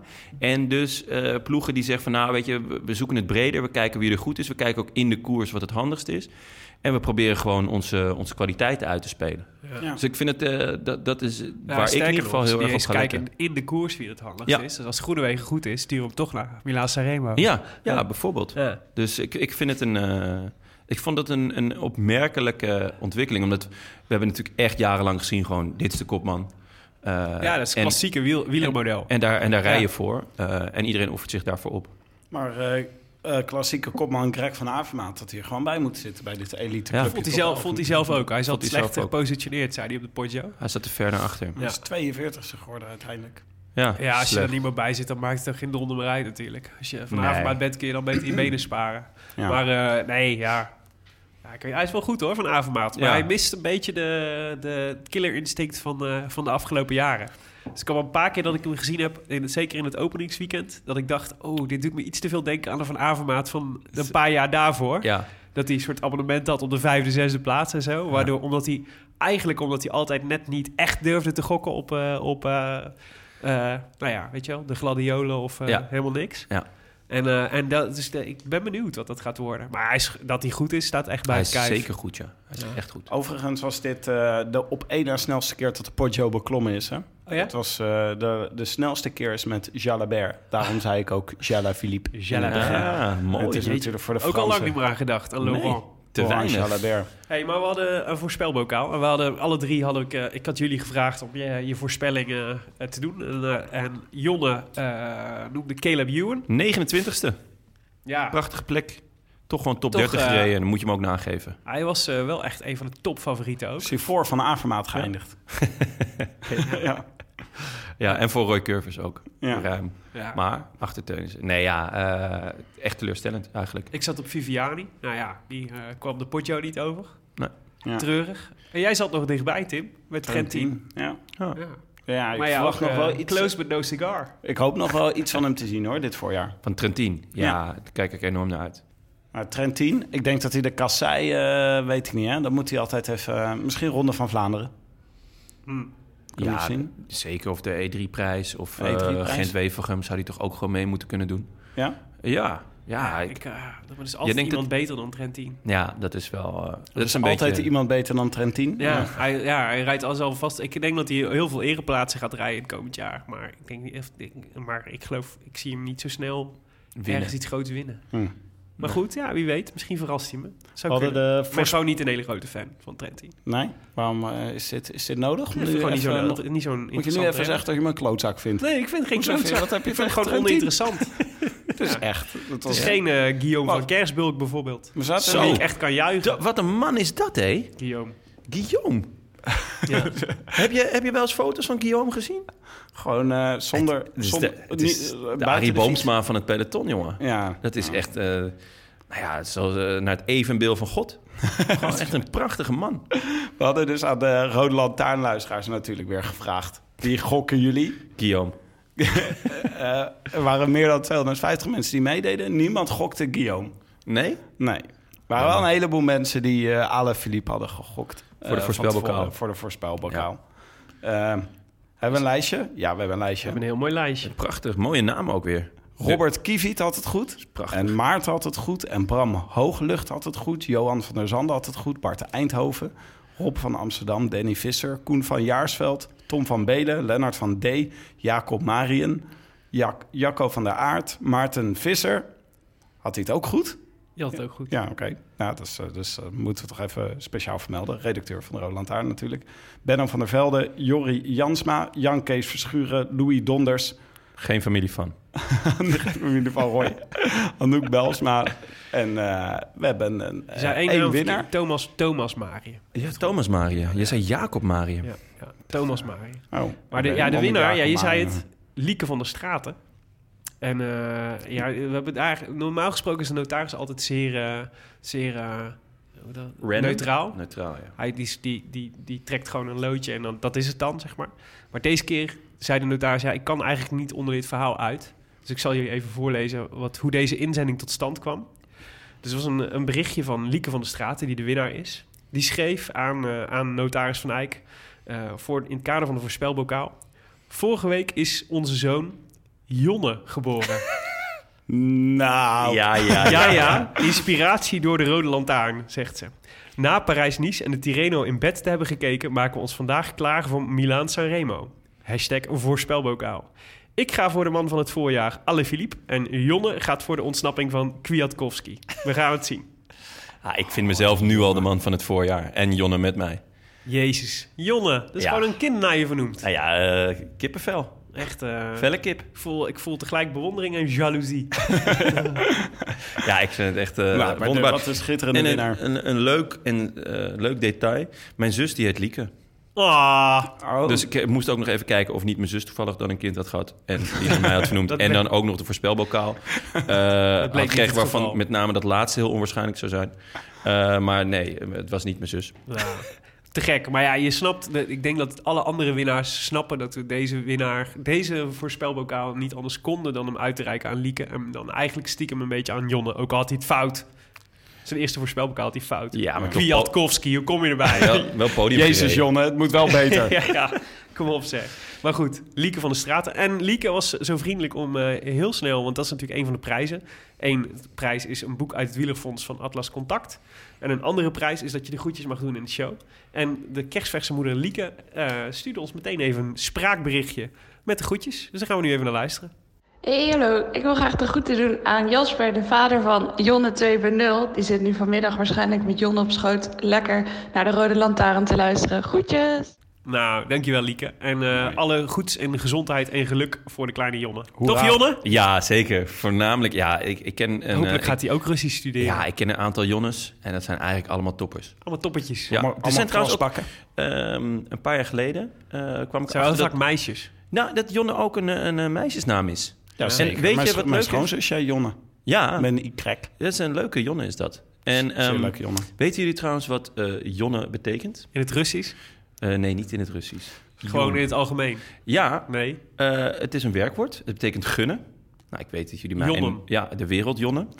Eh, en... eh, Jon, ja, van alles. Ja. en het tweede is eh, veroveraar der harten. Oh, Dus eh, Lieke, eh, maak je borst maar nat. staat je wat te wachten. Ja, inderdaad. Ik weet niet of je een hart hebt, maar eh, dat wordt dan veroverd bij deze. Ik vind het heel bijzonder. Ze stuurde ook een fotootje mee van de kleine Jonne. En hij had nu al jouw kledingkeuze. Ja, heel veel swag. Je bedoelt subtropische kleuren. Ja? Ja, Jon is Ja, een niet, beetje dat niet bang hele, van kleur. Die, die hele Amista Bongo feel, die, die zat er al goed in. Ik wou het zeggen, heerlijk. Wordt er eh, komende week nog een beetje gefietst? Ja, wordt heel veel gefietst. Heel veel gefietst. Eh, morgen begint de ronde van Catalunya. ja, Wat, eh, ik hoorde de podcast, in de podcast van eh Laurens ten Dam dat het een beetje een, eh, een, ver- een verborgen parel is. Omdat Ja. dan, het, is, het vindt pra- plaats tijdens een eh, belangrijke week in Vlaanderen. Dus De niemand heilige. kijkt in België en Nederland naar, de, naar Catalonië. Maar het is inderdaad een indrukwekkend deelnemersveld. ik kijk wel Lau. Ze moeten de hele tijd die heuvel van Barcelona over, toch? In de slotetappe, dat weet ik ervan. Ja. De, Ja. Montjuïc. Montjuïc. Ja, schitterende heuvel. En, ja, het is eh, sowieso een heel vet koers. Maandag tot en met zondag eh, met Ten Dam en eh, Maurits Lammertink. Ik dacht, ik noem ook eventjes de startende vrienden van de show. Ja, eh, ik hoop dat we hem nog eh, ergens te spreken kunnen krijgen. eh, Zo tussen, tussen allerlei eh, koersen door. Maurits Lammertink. Ja, Ja. zou leuk zijn. Driedaagse de pannen is deze week. Dinsdag, volgens mij. Die duurt Woensdag. drie weken oh, woen- dit jaar. nee, ja, ja. Woensdag is hij. Ehm, oh ja, woensdag is hij. Ja, En eh, de andere drie dagen is er eigenlijk niks. de driedaagse pannen eh, duurt, nee, de driedaagse de doet pannen zijn is... naam geen eer aan. Nee, precies. Dus we doen een... eh, nee, de driedaagse de pannen is op één dag, op woensdag. Met eh, Fabio Jacobsen en Mike Teunissen. En Mike Teunissen start ook in de E3-prijs op vrijdag. En ook weer in zo'n Gent-Wevelgem op zondag. Dus die heeft echt een druk, eh, een druk programma voor de boeg. En wie ook in de E3-prijs start, is Dylan van Baarle. Die is weer terug na zijn eh, handblessure. Dat is een Dat is stuk vroeger dan ik had verwacht. Echt goed nieuws. Ja, ik zag hem al een paar keer op Swift. En, eh, en dat gaat volgens mij heel erg goed. Dus en een paar keer buiten. Zat hij je bij me in het wiel zeker? Nee, dat, nee, dat is er nog niet van gekomen. Op een of andere manier beland ik altijd in het wiel van Koen Bouwman op Swift. Ja, heel vreemd. Prima wiel. Ties Benoot rijdt hem ook, de E3-prijs. Maar boy, Dus dat eh, wordt wat om Heb te kijken. hoge verwachtingen van. En eh, ik zeg dit ook natuurlijk omdat we een nieuwe voorspelbokaal moeten kiezen. En normaal gesproken is dat niet zo moeilijk in deze weken, want dan kies je gewoon het monument. Maar aankomende zondag is er geen monument, maar wel Gent-Wevelgem. Nou, laten we dat een monumentje noemen, toch? Ja, ja. Wel een beetje. En daar rijden dus Jacobsen, Mike Teunissen, Roy Curvers ook. Dus eh, er is genoeg te genieten. En ja, Gent-Wevelgem, daar moeten we, die moeten we gaan eh, voorspellen. Dat is de volgende voorspelbokaal. Dus die staat vanaf het moment dat deze aflevering eh, online staat... kun je ook eh, voorspellen via de hashtag voorspelbokaal op Twitter... en op eh, Facebook onder de, de post waar voorspel hier Gent-Wevelgem staat. Eh, maar ja, eerst is natuurlijk dat, eh, dat jullie mogen, mogen zeggen wat je, wie je denkt dat Gent-Wevelgem gaat winnen. Ja, ik ehm, wou dat wel eh, even aanstippen.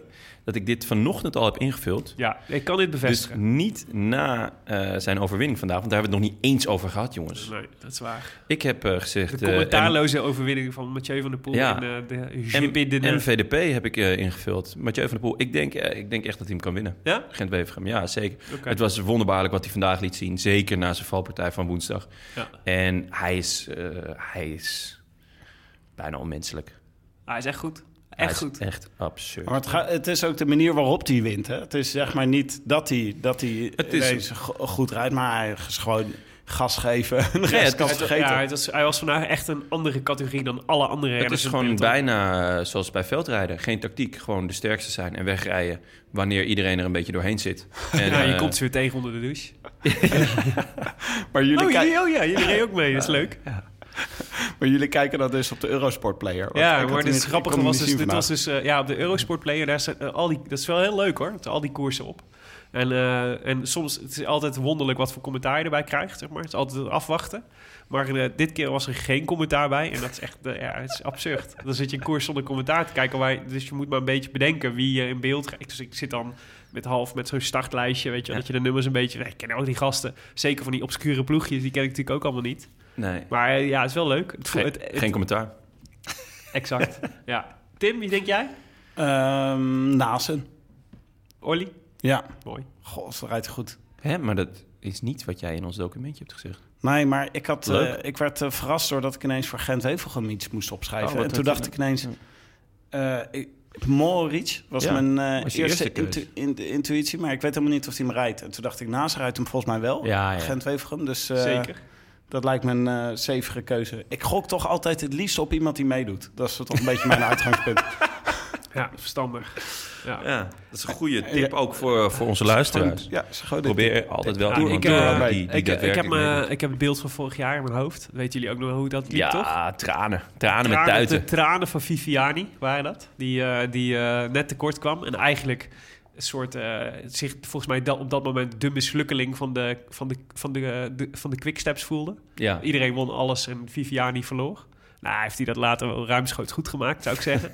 maar toch, die, was, die zat er echt even doorheen. Dat hij eh, de, en, eh, eh, zat op het stoepje in Wevelgem te huilen. En, en ik denk dat, die, dat, dat deze editie wordt de wraak van Elia. Ja? Die, gaat, die, gaat, die gaat, zit zo boordevol frustratie dat hij, eh, dat hij met fietslengte voorsprong Gent Wevelgem gaat winnen. Ja. Maar ik, Zo zal het gaan. En ja? niet anders. Oké, nou, fijn. Hey, we hadden het over de vrienden van de show. Dus eh was een beetje, we hadden, we hadden, eh, wat dat betreft hadden de, de vrienden van de show, hadden, je zei het al, hadden een beetje een rottige start. We zagen er veel op het asfalt. Bij sommigen iets dramatischer dan anderen. Van Baarle had zijn hand gebroken. Maar de ergste val was toch wel eh Tussenveld in Parijs-Nice. Eerste of tweede etappe, volgens mij. Ja, tweede dacht Ja. ik. Nee, eerste, samen met eh Matthew. Matthews al, ja. Die, eh, nou ja, jij weet het beter dan ik, denk ik. Maar zijn kaak gebroken, volgens Op mij. drie plekken. God, ja. En, eh, Met een rietje eten. Met een rietje eten, zes tot acht weken. Ik had hem eh, ook eventjes op de app om te kijken van, joh, eh, hoe is het? En Stuur een foto. Nee, dat heb ik niet aangedurfd. Ik, Ten Dam en, en Stefan Bolt die zeiden ook van... Jezus, je moet even op Twitter kijken naar, naar die foto. Ja. ja, nou weet ik überhaupt niet eh, hoe ik op Twitter kom. Dus eh, dat was... eh, Je hebt die dat- foto nooit gevonden. ik heb die foto gelukkig niet gezien. En, eh, maar ik, ik heb hem even om te vragen van... joh, hoe, hoe is het? En wanneer kan je weer koersen? Heb je veel pijn? Dat soort dingen. Nou, hij had echt wel veel pijn. En hij moest vooral gewoon... eh, Ja, maar het was echt een horrorcrash, ja. 70 km per uur en dan eh, Ja. vol op je bek gaan. ja, ja, ja. Dus ehm, ja, ik dacht, eh, dus, dus Van Baarle zit weer op de fiets. Tusveld, eh, volgens mij eh, zag ik hem gewoon op een normale fiets ook alweer eh eh, rijden. stadsfiets? Een stadsfiets. gewoon even naar de Albert Heijn even, of zo. even naar de Albert Heijn. ja. Om een sappie te halen. Even ja. Nieuwe rietjes. Jonne zat langs de kant om te kijken hoor, want hij had nog geen koers Zeker. om uit te kijken. Ja, ja, nie- nieuwe rietjes waarschijnlijk. Helaas wel zonder zijn commentaar. Sunweb pakkie, gewoon op de normale fiets. nee, maar ik dacht, eh, voor Tusveld moeten we even... Misschien moeten we even de luisteraars oproepen om een, om een kaartje te sturen. Ja, dat is wel een goeie. naar Martijn. Want eh, het is wel, eh, hij reed supergoed en het is echt naar. En het is fijn om te weten dat mensen met hem meeleven. En we hebben nu, we hebben allemaal een mooi drie kwartier aan een uur, een uur naar hem mogen luisteren. En eh, we waren nu net fan geworden. En nu gebeurt dit. Ja. Dus misschien moeten we Want hij was in vorm, hè? even, een kaartje sturen. Hij reed goed in de zandbak. Ja. En, eh, ja, hij reed heel goed. Dat is het, hij was echt goed in vorm. En alles wat Ja. hij vertelde over dat hij het gevoel had... ik word meer een klimmer. Ja. Weet je, dan kan ik kan ook wel goed mee bergop. Ja, dat bewees hij meteen. En Ja. toen gebeurde dit. Dus kaartjes naar, eh, naar Martijn Tusveld kunnen naar de Bali. Ja, Tim, daar ben jij van. Ja, stuur ze Dan naar sturen dag- wij ze door naar Martijn Tusveld. Ja, precies. Je kan natuurlijk gewoon, eh, je mag hem altijd een eh, tweetje of een Facebook bericht sturen, maar nog veel leuker Ja, is het als leuke je is hem echt een kaartje, kaartje. stuurt. Ja. En eh, stuur dat dan gewoon even naar de Bali in eh, Amsterdam. Dat is kleine Gartman plantsoen 10. 1017 RR Amsterdam. En als je dan even zegt dat je kaartje, richt hem even naar eh, dag en nacht media. Ja. Dan zorgen wij dat die kaartjes allemaal bij Martijn Tusveld terechtkomen. We Dus zullen ik herhaal nog één keer. Kleine ja. Gartman plantsoen 10. 1017 RR in Amsterdam. En dan halen RR wij... is eh, We Roglic, we zullen het ook... Hij is dus van Sunweb. Dat mag je niet zeggen. Oh, sorry. Pardon. Ik Ja. bedoel... Maar eh, we zullen het ook nog wel even op onze social kanalen Ja. zeggen, het, a- het adres. En dan gooien wij alle kaartjes in de blender met een beetje water. Precies. Zodat hij hem lekker Maak kan er een drinken. papier-maché pop van. Nee, sterkte Martijn. Papier-maché Dumoulin. Goed, ja precies. Get well soon, boy. Get well In soon. eh, de Giro eh, begint pas eh, begin mei, dus je hebt nog eventjes. Ah, ik moest er even over nadenken. 1017 Roy Curvers, Roy Curvers in Amsterdam. Skitterend. Goed. Als je ook wil voorspellen voor Gent-Wevelgem in Flanders Fields, zoals de koers tegenwoordig officieel heet, Zo, wat een lelijke naam is dat. dan kan dat. Ik vind het wel mooi eigenlijk. Ik ben er wel aan Dat is een gedicht. In Flanders een Fields. gedicht. Oh, als- Jonne, je moet even... Nou, een Eerste aan jou de opdracht. De volgende, de volgende show beginnen we met dit, met dit gedicht. Ja. In Flanders Fields. Misschien kun je Peter eh, van der Meers vragen om dit voor te Ja, om het dragen. even voor te lezen. Ja. Die eh, meedoen kan via de Rode Lantaarn op Facebook. eh, onder de post op onze pagina. Of via Twitter met de hashtag voorspelbokaal. En eh, Wederom boek, kans op een boek uit het wielerfonds van Atlas Contact. Eeuwigdurende bragging rights. En de kans om iemand groetjes te doen in de volgende show. Is dat ook een gedicht? Bragging rights? Bragging rights. Opscheprecht. Ja, dat is mooier hè? Vind ik mooi, ja, zeker. Mocht je het gevoel hebben dat je nog iets te goed van ons hebt van de voorgaande voorspelbokalen, dan moet je het me even laten weten. Ik kreeg ja, een, ik krijg een- een, kle- een kleine heine van jullie. Ja, dat is, dat, is een- dat is inmiddels gewoon een ongoing joke. Dus die gaan we. Die krijg je nog. Nee, ik heb hem Oh, volgende oké. keer. eh, nee, oh, oh, dat is wel relaxed. eh, was naar aanleiding van een berichtje van Joey van Aken, die zijn prijs nog steeds niet had. Mochten er meer mensen zijn die vinden dat ze een prijs van ons te goed hebben. Tim heeft net het adres genoemd van Dag en Nacht Media. Daar moet je zijn. Kom lekker langs met brandende fakkels en hooivorken. Vind je eh, meestal Jonne, dus dat is op ja. zich... eh, Ja, dat is prima.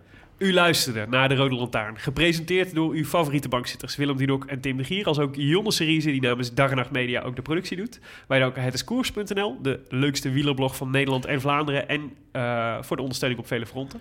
En dan in het bijzonder Maarten Visser, Bastiaan Gaillard, Leo Geijen en notaris Bas van Eyck. Die sinds deze week tevens officieel brandweerman in Maden is.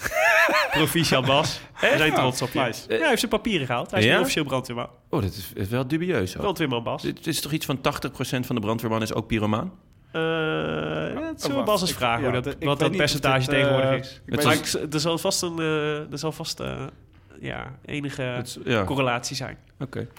Hoe dan ook, wil je reageren op deze uitzending? Via Twitter zijn we te bereiken via Willem Dudok, Tim de Gier. En als je echt heel erg je best doet, Tom Garçon, waarvan de eerste O een nul is. Ik had vandaag nog een paar keer eh, op Ik Twitter... zag je- eh, ik zag je tweeten, ja. Ja, Ja. had ik eh, iets krijgt gezegd. pushbericht als jij iets doet. echt? Ja. Eens in de zoveel weken tweet Jonne eh ha ha ha ha ha ha naar mensen. Ja.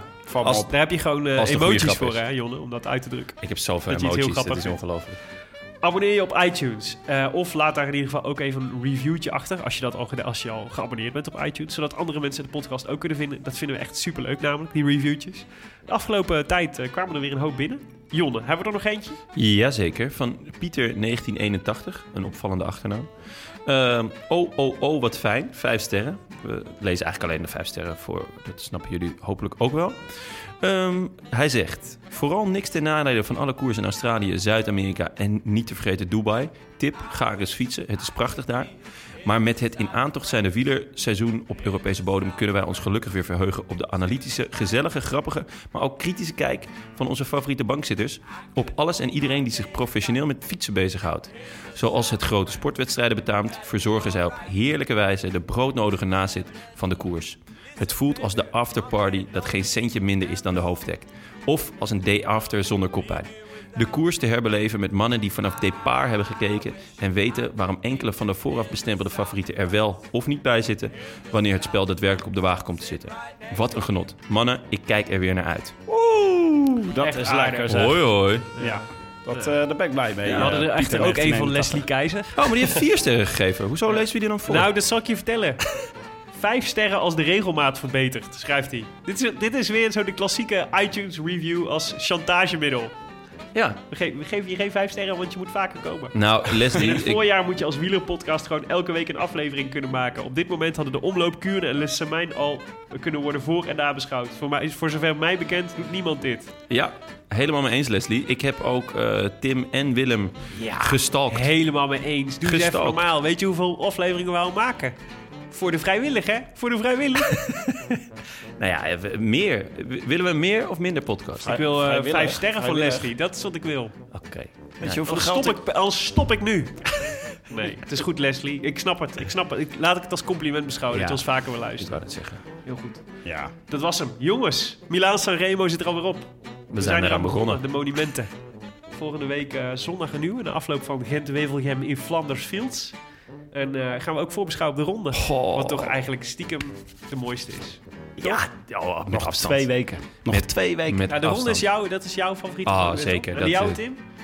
Dan word ik echt met, Nou ja, met ik ben wel heel erg wakker. ik ben eigenlijk, ik vind eigenlijk altijd, eh, ik vond Luik, Bastenaak, Luik altijd het leukste. Maar Ja? het is de laatste jaren toch wel een beetje veranderd. En ook doordat Jonne zo fanatieke Ronde van Vlaanderen fan is. Ja.